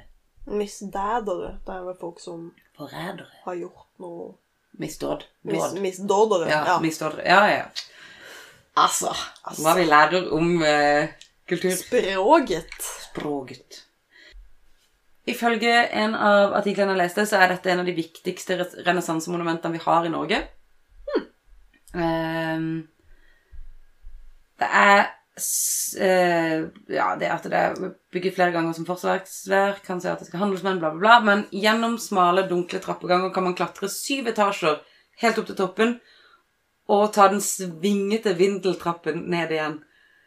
Nei takk. Eh, jeg bare jo. Så vi må dra til Bergen også da, Sara?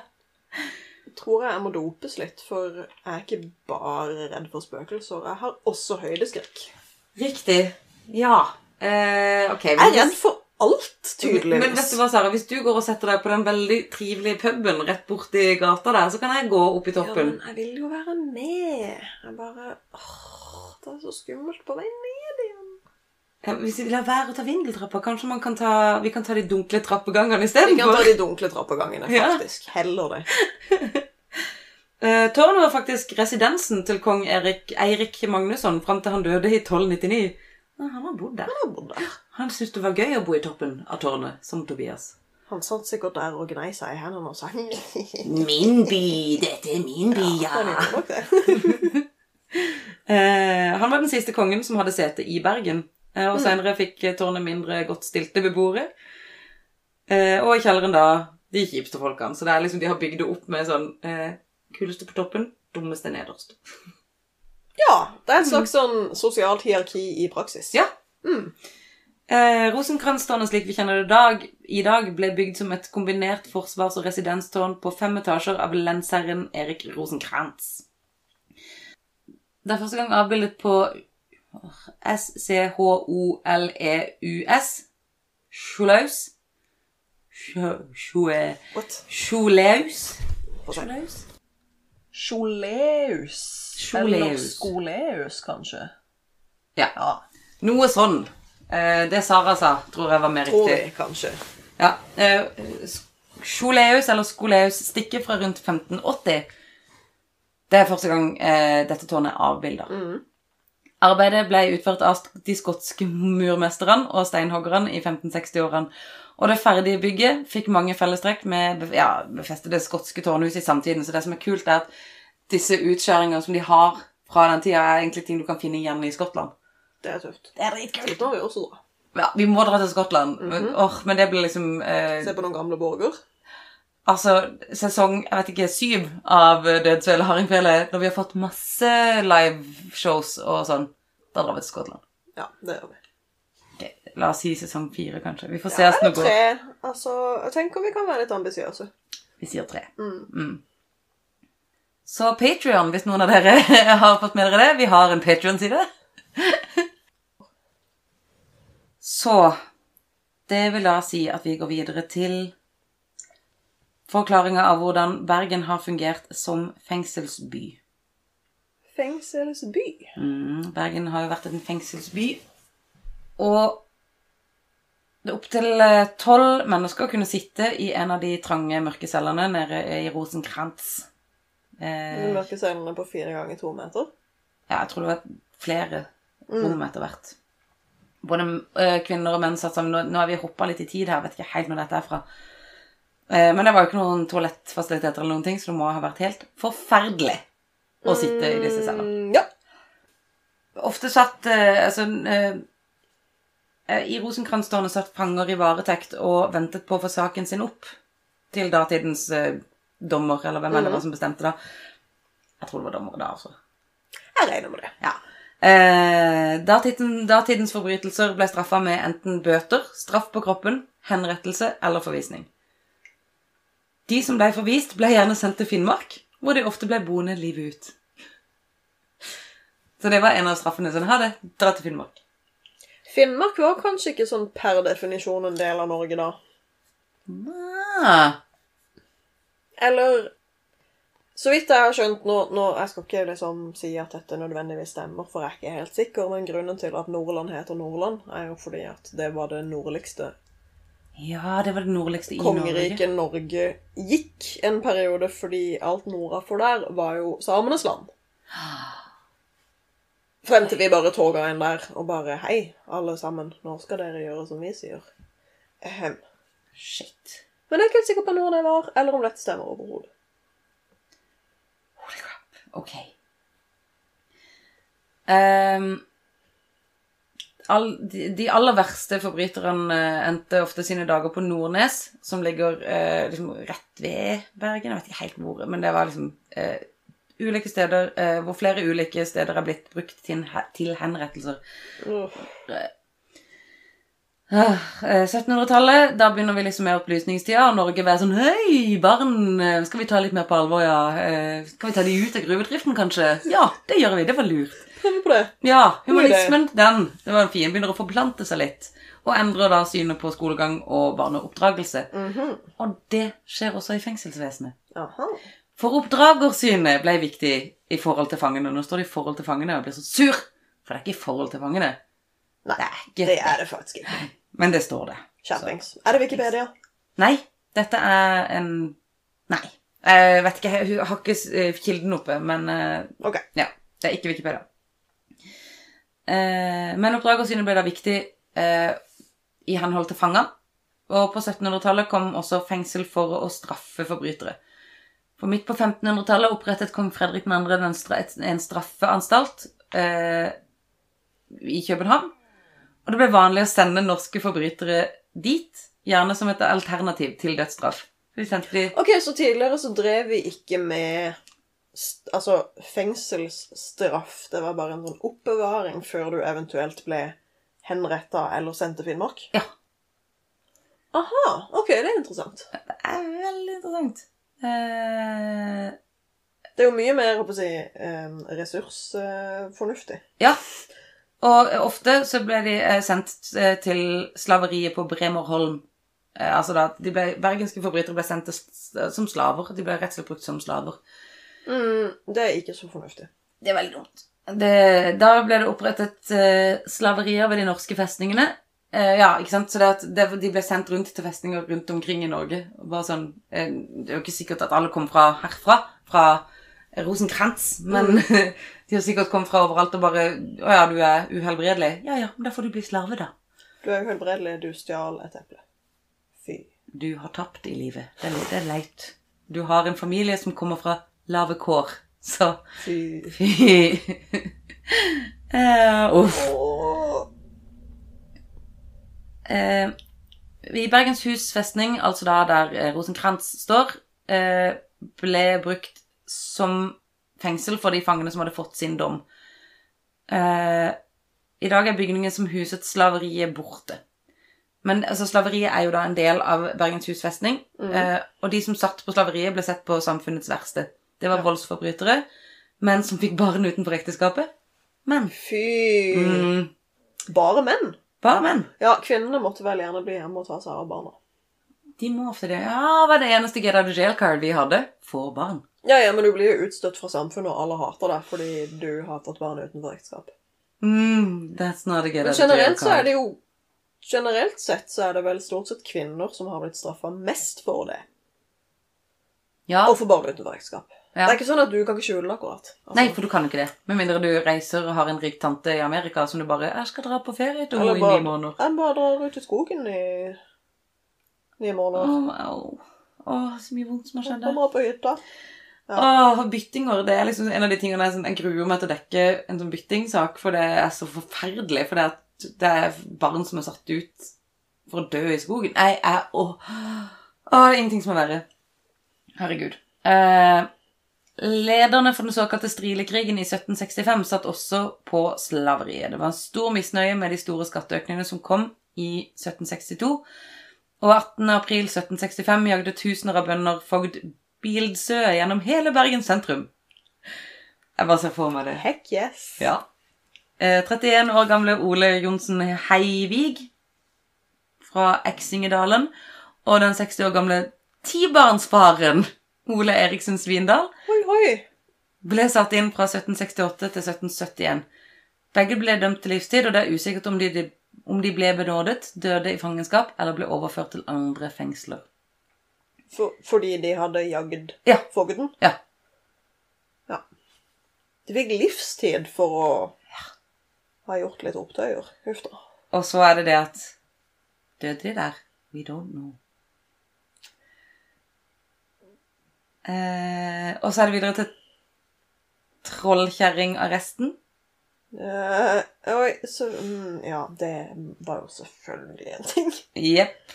Åh.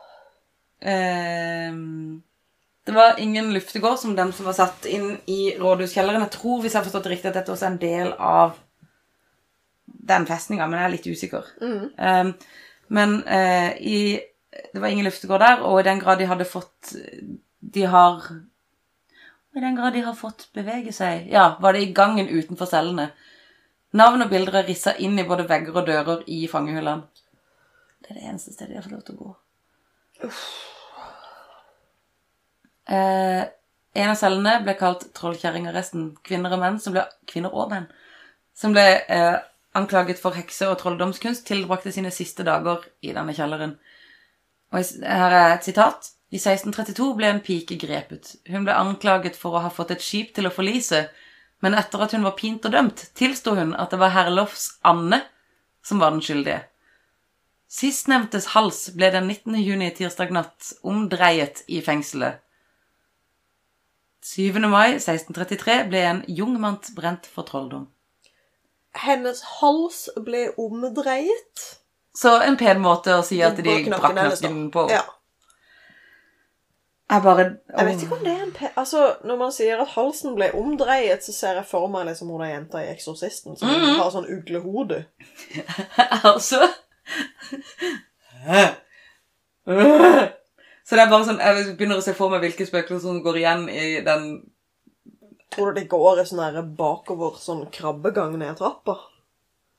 Altså jeg har alltid lurt på altså Jeg skjønner i Eksorsisten, så skjønner jeg det, for da skal det være skummelt. Men når spøkelser gjør det, så har jeg alltid vært sånn But why? Det er jo ikke så veldig praktisk, men det Veldig ser slitsomt. bare ufattelig creepy ut. Det ser veldig rart ut. Veldig skummelt. Jeg er helt enig. Det kan kanskje, med mindre, du er liksom en, med mindre det er en gymnasiast som går igjen, eller noen som er veldig glad i yoga, så er det kanskje ikke så veldig stor sjanse for at de kommer gående i bro ned trappa.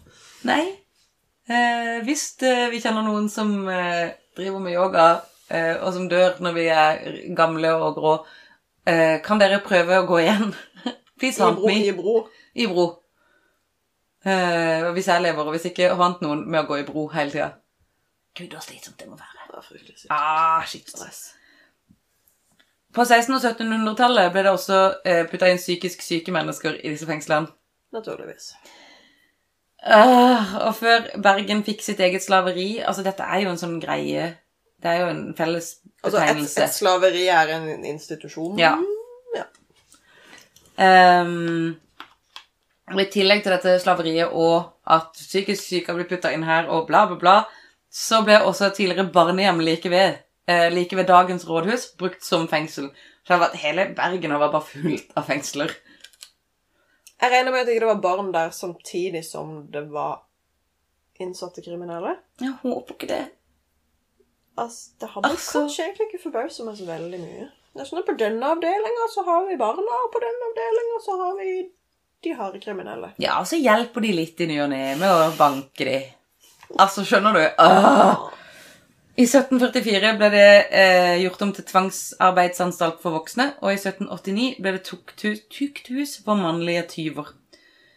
Tukthus ble også den alminnelige straffanstalten for kvinner. Mm. Eh, Bygget fikk navnet Tukt- og Manufakturhuset. Bygningen finnes den dag i dag, men innsiden er gjort om til kontorbygg. Jeg bare Jeg vil ikke ha kontor der! Jeg vil helst ikke jobbe i Hva var det? Tukt- og manufakturhuset? Jepp. Ellers takk. Eh, no, please, thank you. Det går veldig fint. Eh, og så går det videre liksom til sånn, ja, ganske dramatiske greier og bla, bla, bla. Overgangen til liksom fra hvordan Bergen har fungert som fengselsby videre. Mm. Og så avslutter artikkelen med overskriften En stor, koselig familie. Eh, really? Ja, for det at da i eh, overgangen fra var stor da Bergen kretsfengsel ble tatt i bruk i 1867. Det nybygde fengselet erstattet rådhuskjelleren og etter hvert slaveriet og tukt- og manufakturhuset. Fengselet er tre etasjer høyt og har 57 celler på begge sider av en langsgående korridor. Den store forskjellen var at det bare kunne sitte én på hver celle. Mm. Og det gjør jo at eh, fangene skulle sitte mye for seg selv og ha minst mulig kontakt. Fengselet var bygd etter Philadelphia-metoden, med vifteformet luftegård og vaktrom i midten, slik at de ansatte hadde oversikt over mange fanger. Jeg bare elsker at overskriften der er 'En stor, koselig familie'. Hva er det som er koselig med dette Det bildet? er jo ikke en stor, koselig familie. Det er jo quite the opposite. De sitter alene på hver sin celle, kommer aldri til å snakke med noen, med mindre de har en felles luftegård, da. Og da er det, var det der er de ute én time? Jeg vet ikke hvordan det var på den tida, Ikke jeg heller. men eh, Men dette, det er jo tidlig ute med sånn sånn eh, enmannscelle. ja, det regner jeg med. 1867. Men altså, isolasjon blir jo fortsatt brukt i litt for stor grad i norske fengsler. Det er jo ikke sunt å sitte for mye for seg sjøl. Det er jo ikke det. Så eh, Spøkelsene jeg har funnet, er det ene spøkelset som eh, eh, går i trappa. Disse trappene når du skal gå opp til toppen av tårnet. De dunkle trappene. De dunkle trappene. Der, hvis du går alene opp, så hører du fo- Jeg klarer ikke å si det, for jeg sitter så skummelt selv. Så hører du Noen som går bak skritt deg. bak deg. Å, jeg orker det ikke! Så liksom, du kan snu deg, og det er selvfølgelig ingen der, men du hører at noen er bak deg. Jeg bare ser for meg liksom går oppover, og så stopper du, og så stopper de. Og så ser du, så er det ingen der. Så fortsetter du, og så fortsetter du. Å, fy faen! um, nede i kjelleren, når du er liksom nede i Mm. fangehullkjelleren, så kan du ofte kjenne eh, liksom sånn at noen går forbi deg. Du kjen- kan høre, sånn som jeg har forstått det, kan du høre skraping. Åh, På vei- jeg så for meg det før du sa det. Åh. Eh, fordi de sitter der og vil ut, da, disse stakkars folka. Med den der ene lysglipa i toppen der. Krafser på veggen som en pusekatt som vil ut. Nei, og så em, Det som jeg tenker sånn eh, Eller det som jeg syns er greit, sånn der, i toppen av det tårnet, så har du jo liksom sånn Ifølge, ifølge denne rare kilden som er eh, noen som har skrevet på en sånn chatside Mm. Chatside? Hva heter det? Forum? Mm. Herregud. Så er det noen som liksom går og dunker i det liksom all- Det lager en annen lyd, det tårnet. Altså det som har falt av, det er liksom på toppen der. Ehm, Hva heter det? taket? Spiret? Ja, det tår, ja spiret. Så det går og dunker i det, så det lager sånn der eh, metallisk lyd. Jeg går og dunker i taket, liksom. Ja. Sært. Altså, jeg tenker sånn Hvorfor? Hvorfor, for, hvorfor har du Men det er- det er sikkert noen som falt med det tårnet når det har datt ned. Er det kanskje noen som er sykt misfornøyd med det nye taket og bare 'Det her er jo ikke bra nok'. Hallo? Se her nå! You, Hør you ain't her! working for me. This is not This is not up to my standards. Jeg ser for meg at jeg er en sånn her, sånn typ 50-60 år gammel sånn pappa-type. Som bare 'Nei, nei, nei, dette materialet her, det er ikke bra nok. Det kan du ikke bruke'. Ja, det er sikkert det. det jeg bare ser for meg den pappatypen og så blir jeg sånn lei meg for at han sitter der og banker i taket og ikke har fått lov til å komme hjem. Ja, det er sant. Visstnok så hører man skrik Det skulle man jo nesten regne med. eh, når man er der nede. Det er som oftest eh, bare ett. Men du hører det liksom en sånn derre Som en vind, samtidig som det er et sånt Det er helt tydelig et menneskerop du hører. Du vet at det er tomt i den kjelleren. Det var det. Eh, no- noen mener at de har sett en skotte gå rundt der. Ja, altså Hvor lang tid brukte de på å bygge dette tårnet igjen? Det var jo en del år. Det er Ganske mange år. Garantert noen av de som har daua på veien. Må jo ha vært det. Ah, Så kanskje, noen, kanskje det er en av disse skottene som går igjen i en stein. Altså sånn, Han døde på båten over. Festa seg til steinen. Og så har steinen blitt bygd inn i tårnet. kan være. Kanskje de brukte den som fyllmasse i tårnet. Mhm. Hvem vet? Men altså, det var ikke sånn at det fant noen som heter HMS på den tiden. Altså, Det var vel heller veldig lite HMS på den tida. Det... Hva mener du 16 timers arbeidsdag er for mye? For noe tull. Nei, 16 timer? Lol, lol, lol. Det er bare gøy. Topp stemning. Elsker 16 timer arbeid. Det er kjempegøy. Det er så godt å aldri sove. Skal vi Går han i se kilt, er spørsmålet. Ja, ifølge denne personen så går Det han er ikke sånn man vet at han er skotsk eller Ja, det er jo altså, det er ikke sånn at han har snakka med han og vært sånn Hei, what's your name? Han bare I'm Å, Nei, nå skulle jeg prøve til Angus. ja, for jeg bare, nå skal jeg ty- plutselig prøve å ta noe skotsk nå. Jeg bare kan ikke. Så jeg begynte, og så angrer jeg. Men du tok Angus. Det er veldig bra. Takk. Eh, det at liksom eh, fangehullet ble brukt til eh, disse som var svært voldelige og kom fra de lave sosiale lag, så er det liksom mange som har eh, snakka om det at de drepte hverandre inne i denne kjelleren. Så eh, ofte kan man liksom høre liksom der lyden av at man s- slår Åh. du vet liksom jeg vet ikke, Ja. ja. ikke sant? At du slår i sånn kjøtt. Øh. Vet du hvordan de ofte lager den lydeffekten på film, forresten? Å, jeg har sett noe om det. Nei, Åssen er det? De denger på en kalkun. En ribba kalkun. Kødder du? For de lager den der samme lyden som, Som å slå i som å slå Herregud! noen i ansiktet eller på kroppen. Åh. Jeg kan ikke huske hvor jeg har det fra, men jeg så det på en dokumentar en gang hvor du så dengte løs på en ribba kalkun. Eh, Den, den var død, da. Selvfølgelig. Ja, Den var selvfølgelig. ikke levende. Det er bare en ribba kalkun som var levende. Det er jo Ja, det kan jo skje. Det er veldig Det, sant. det kan skje. Folk er fæle. Øh, det var iallfall de spøkelsene jeg har funnet. Jeg- Den siste der, det Av alle lyder jeg ikke har lyst til å høre, så er det den lyden. Mm. Det Men de er har jo Rolig ekkelt. Det er veldig, veldig kvalmt. Og jeg tenker jo at de har sikkert eh, eh, Det som jeg kom på når vi satt oppe i sted og snakka, så kom jeg på at jeg har en av mine aller beste venninner i Bergen som jeg kunne ha ringt, som jeg glemte å ringe. Så jeg eh, kan sikkert finne mer på Rosenkrantztårnet og egentlig generelt Bergen husfestning. Det hadde vært kjempegøy hvis Eh. hun har noe Ja, så jeg skal høre litt, eh, skal høre litt med henne, og så kan vi se om vi kan adde noe fun facts inn i en annen episode. Ja, skal vi ta, ja, vi kan ta en liten, eh, en liten update neste episode. Yes, yes, yes! for eksempel. Det er så fett. For neste episode vil jo da komme ut 1. november. 1. november, så da har det nettopp vært halloween. Det har det. Så da kan vi jo snakke litt mer om halloween, siden det er vår Jeg favorittdag. tenker man er i det er spøkeseason helt fram til jul. Det er det. For meg i hvert fall. Det er det. det. Jeg gleder meg til å pynte til halloween. Det har jeg ikke gjort før i år. Dette er mitt første år i mitt eget hus hvor jeg skal pynte til halloween. Det vil jeg også gjøre. Ja, Sånn ordentlig. Så skal jeg høre på skummel musikk og prøve å ikke skremme livet av min sønn. Men, men Ja, det var noe med det. jeg tror ikke han skjønner at det er skummelt. Nei, det er litt som liksom, The Adams Family-kidsa. Du må bare venne deg til det når de er veldig små. Og Ja. så er det bare toppstemning. Tenker jeg det. Ja. I år må jeg få sett Practical Magic, for den så jeg ikke i fjor. Å, men Sara, kan vi eh, gjøre det sånn som eh, Kan vi gjøre det sånn eh, Jeg vet at du skal jo selvfølgelig ikke være her på halloween, men kan vi eh, ringe hverandre og si sånn 'trykk på play nå'? Se den sammen med meg for oss. Ja. Ja, det syns jeg. Det Yes! hadde vært kjempekoselig. Å, det er min favoritting å gjøre. Da skal vi bare være på telefon med hverandre og bare sånn Se nå, nå skjer det. Vi har sett denne filmen en million ganger. Kan alle replikkene. Men Det er ikke så en av- farlig. En av mine go to-sanger er eh, de sin, altså den filmmusikken som er i Practical Magic. Den er veldig fin. Er Ah, så fin, den. Åh, det er alltid Hver gang ting skal være romantisk, så setter jeg på den. For den bygger seg så fint opp. Ja. Ja. Nei, men da har vi en date. på det. Midnight Margaritas. Ah, Det kan, jeg har aldri Jeg vet ikke om jeg har drukket margarita. Altså. Har du ikke? Hva er det i margarita? Ja. Det er um, Cointreau, tequila, lime juice, så er det litt grann salt på um, kanten av glasset. Ja. Kjempeenkelt å lage. Du må bare finne en, jeg holdt på å si, en ratio. Det er jo en sånn standardoppskrift, men eh, man Ja, finner ja. en ratio som du liker. Ehm, det er dødsgodt.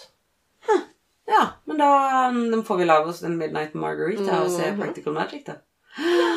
Og det er verdens koseligste date! Jeg gleder meg kjempemasse. Men tusen takk for historien. Selv Det om- var- Det var ufattelig spooky. Det er så mye, og så når det er så mye historie bak, så tenker jeg sånn der, tenk alle de spøkelsene som sikkert er der. Det og er de som, tenk så- de som jobber der. Ja, det er så mye greier der, altså. Og men bare den der liksom, lyden av folk som slår hverandre ned i fangehullet, det var Ah. Åh! Det er helt feil. Å, det er mye feil. Det er mye feil. Ja, da tror jeg heller jeg tar et spøkelse som synger operette. Heller spøkelser som synger opp Det rett. er mye heller, det er mye Veldig mye koseligere. Ja. Jeg er helt enig med han Henrik eh, som sa det at eh, nei, vi har ikke lyst til å ha noen som skal clear the house. Vi elsker spøkelsene våre. Jeg bare, ja. Det var det jeg som gjorde. Så lenge de bare tusler rundt, så Hun synger litt. Og jeg mener en operette. Det er jo ingen som kan klage på en liten operette i ny og ne. Nei. Det syns jeg virkelig ikke. Åh, All right, Sara. Vi har eh, Da har vi konkludert vårt eh, innspillingsbonanza. Vi har det. Fem episoder. Ching!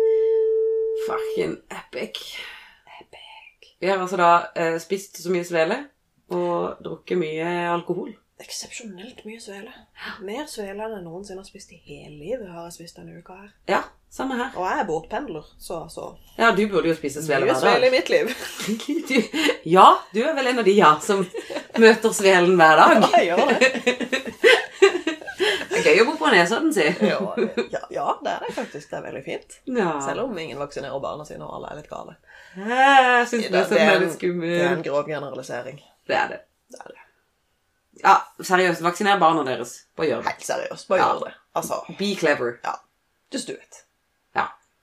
Det var eh, i hvert fall mitt innspill til den kampen. Eh, ja, helt.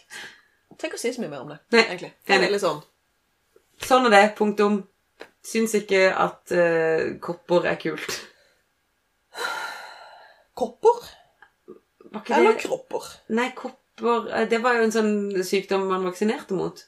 Kropper er utrydda, tror jeg faktisk. Så Ok, men- Kropper er en av de eneste av sånne Som jeg dødelige faktisk har- sykdommer som faktisk er utrydda. Eh, Mio fikk nettopp MMR-vaksiner. Ja. Meslinger. Ja, meslinger. Ja. Uh, Measles. Mumps. Eh, det er vel kusma, tror jeg. ja, det er kusma. Åh, Det er Og skummelt. eh, R. Rubella. Det er veldig, veldig gøy at du vet dette Tror Altså her. jeg. Selv om min kid nettopp har tatt den vaksinen. Og jeg har sittet og lest på det papiret for literally fem dager siden. Det er ikke så veldig lenge siden jeg var på vaksinasjonskontoret fordi jeg skulle til eh, India. Og da måtte vi ha litt ymse. Og da måtte vi også ha påfyll av barnevaksinene, bare sånn for å være sikker. Å ja. Ble du syk? Etterpå? Nei? Nei, det er ikke det. Kult. Helt fin. Gjorde vondt. Gjorde det vondt? Ja. Mye Det er vondt. vondt, det er vondt å få vaksiner. Jeg skjønner liksom hvorfor jeg ikke likte det da jeg var barn. Du får jo ei sprøyte liksom rett inn i muskelen. Det blir jo kjempeømt etterpå. Ja, det er vondt. Det er kjempevondt, faktisk. Mm. Dere er liten baby, de skjønner ingenting når det skjer. Å, gjør det er ikke vondt. Men det er bedre det enn at de får polio og rød humor. Ja, ja, alt, alt er bedre enn de sykdommene Mm. der. Alt er bedre. Um, all right, Sara. Have a happy, happy Halloween. You too! Og dere også har en formidabel jeg må si, rest av the spooky season. Ja. Eh, vær så snill å feire masse, som vi sa i begynnelsen av episoden. Feir, feir halloween for alt det er verdt. Kle Og dere hvis, ut. du, og hvis du ikke er en sånn, så prøv i det minste å lage en liten pumpkin pie, for det er faktisk dødsgodt. Psykogodt. Ante Mhm. ikke hvor godt det var før jeg fikk det av din mor og var sånn What? Kjempegodt. Men skyr unna pumpkin spice latte på Starbucks, for det smaker hest. Ja, Den har jeg ikke prøvd engang. Don't do it. Nope. Det er bare sukker. Det- Ah, ja. Mm. ja. Ikke gidd det. Dropp Ikke det. gi det. Med mindre du liker det. Da skal du få lov til å gjøre det. Ja, ja. Altså, jeg mener, vi har hatt mye sukker på den Det svela i er det sukker, og det siste. er sukker så- og krem. Liksom. Det er, Haug. ja, det er litt for mye. Det er litt for mye. Ja. Men nei, eh, gjør noe halloweeny. Ja. Eh, gjør, gå på Hens og Møritz og kjøp deg en øredobb med en pumpkin i, eller et eller annet gøy. Men shit, det kommer sikkert masse søtt på henne som øret snart. Det gjør nok det. Oh my god. Jeg har kjøpt meg en eh, kjole eh, på internett i dag. Som, Som er okergul. er OK gul, Det er som jeg veldig tenker fint. passer veldig bra til halloween. Så Det jeg skal gå i passer OK veldig gult bra. og svart. Det er helt perfekt. faktisk. Yes. Men eh, i mellomtiden, eller altså frem til neste episode, så kan dere følge oss på Facebook. Instagram! Dere kan sende oss en mail på dodsveilerharekvelet.gmail.com. Vi har en nettside. Dodsveilerharekvelet.com. På Instagram heter vi Det er Dodsvele og hardingfele. Dodsveilerharekvelet. Ja. Uten òg. Og det er ikke noe òg der. Det er ikke noe òg. Jeg har full kontroll over de sosiale mediene, som dere skjønner. Det er ikke noe Sara har kon- mm. På, Jeg har fått- Face- på Facebook så heter vi Dodsveilerharekvelet. Ja. Der heter vi det eh, vi heter. Det er også lov til å hashtagge oss i alt dere vil hashtagge oss i. Hashtag oss, tagg oss, at oss. Alle disse tingene som man kan gjøre på disse sosiale mediene. Det syns vi er gøy. Nevn oss. Nevn oss. Send oss en mail, send oss en melding. Eh, snakk til oss. Eh, snakk om oss til NRK. Og vennene deres. Trenger Ja. ikke være NRK. Venner, familie, søster og bror. Din gamle tante. Åh, i eh, en av historiene jeg prøvde, når jeg prøvde å finne kule historier fra Bergen, så snakka de om eh, Fredrik Meltzer, og jeg bare Keisers, Keisers, Keisers. Oi, det er gøy! Mm. Så jeg, jeg skulle egentlig dekke det, men så fant jeg ikke nok historier rundt, så da kunne jeg ikke det. Mm. Å, det var skuff. Men Vi eh, finner hør oss på i- Keisers i, eh, i halloween-måneden. Det er fint. Ja, vi finner sikkert noe annet Keisers-relatert senere ned. Det må vi Vi finne. Vi, må- vi tror ringer det. Jan Ove bare, vet du. Vi bare ringer han og sier sånn Øy, hva skjer? Eh, har du lyst til å fortelle en spøkelseshistorie fra Bryne? Jæren! Jæren. Kunne jo Ja, altså, når podden vår blir stor nok, så er jo altså da, Den gjesten vi skal ha da, er jo Jan Ove Ottesen. Ja. Siden vi har girlcrusha på han siden vi var 16. Jeg tror det egentlig hadde blitt litt problematisk. Fordi Fordi ingen av oss hadde sagt noe, og vi hadde bare sittet her og sikla. Det er helt sant. Vi hadde bare sittet stille og vært sånn Du er en kul. Ja. Skal du ha en øl? Fuck, ass. Nei, vi kan ikke gjøre det. Nei, vi kan ikke gjøre det. Eh, men vi kommer til å ha gjester etter hvert også. Vi gleder oss dritmye til det. Ja, det skal vi. Vi har Det blir eh, masse folk som har lyst til å eh, joine podden. Ja! Ja, Det vi gleder gjør vi oss sykt mye til. Ja, det blir fint. Det blir fint. Som at det er da Veldig den fint. russiske versjonen av fett. Fint. Ok. Med det tror jeg vi konkluderer for i kveld.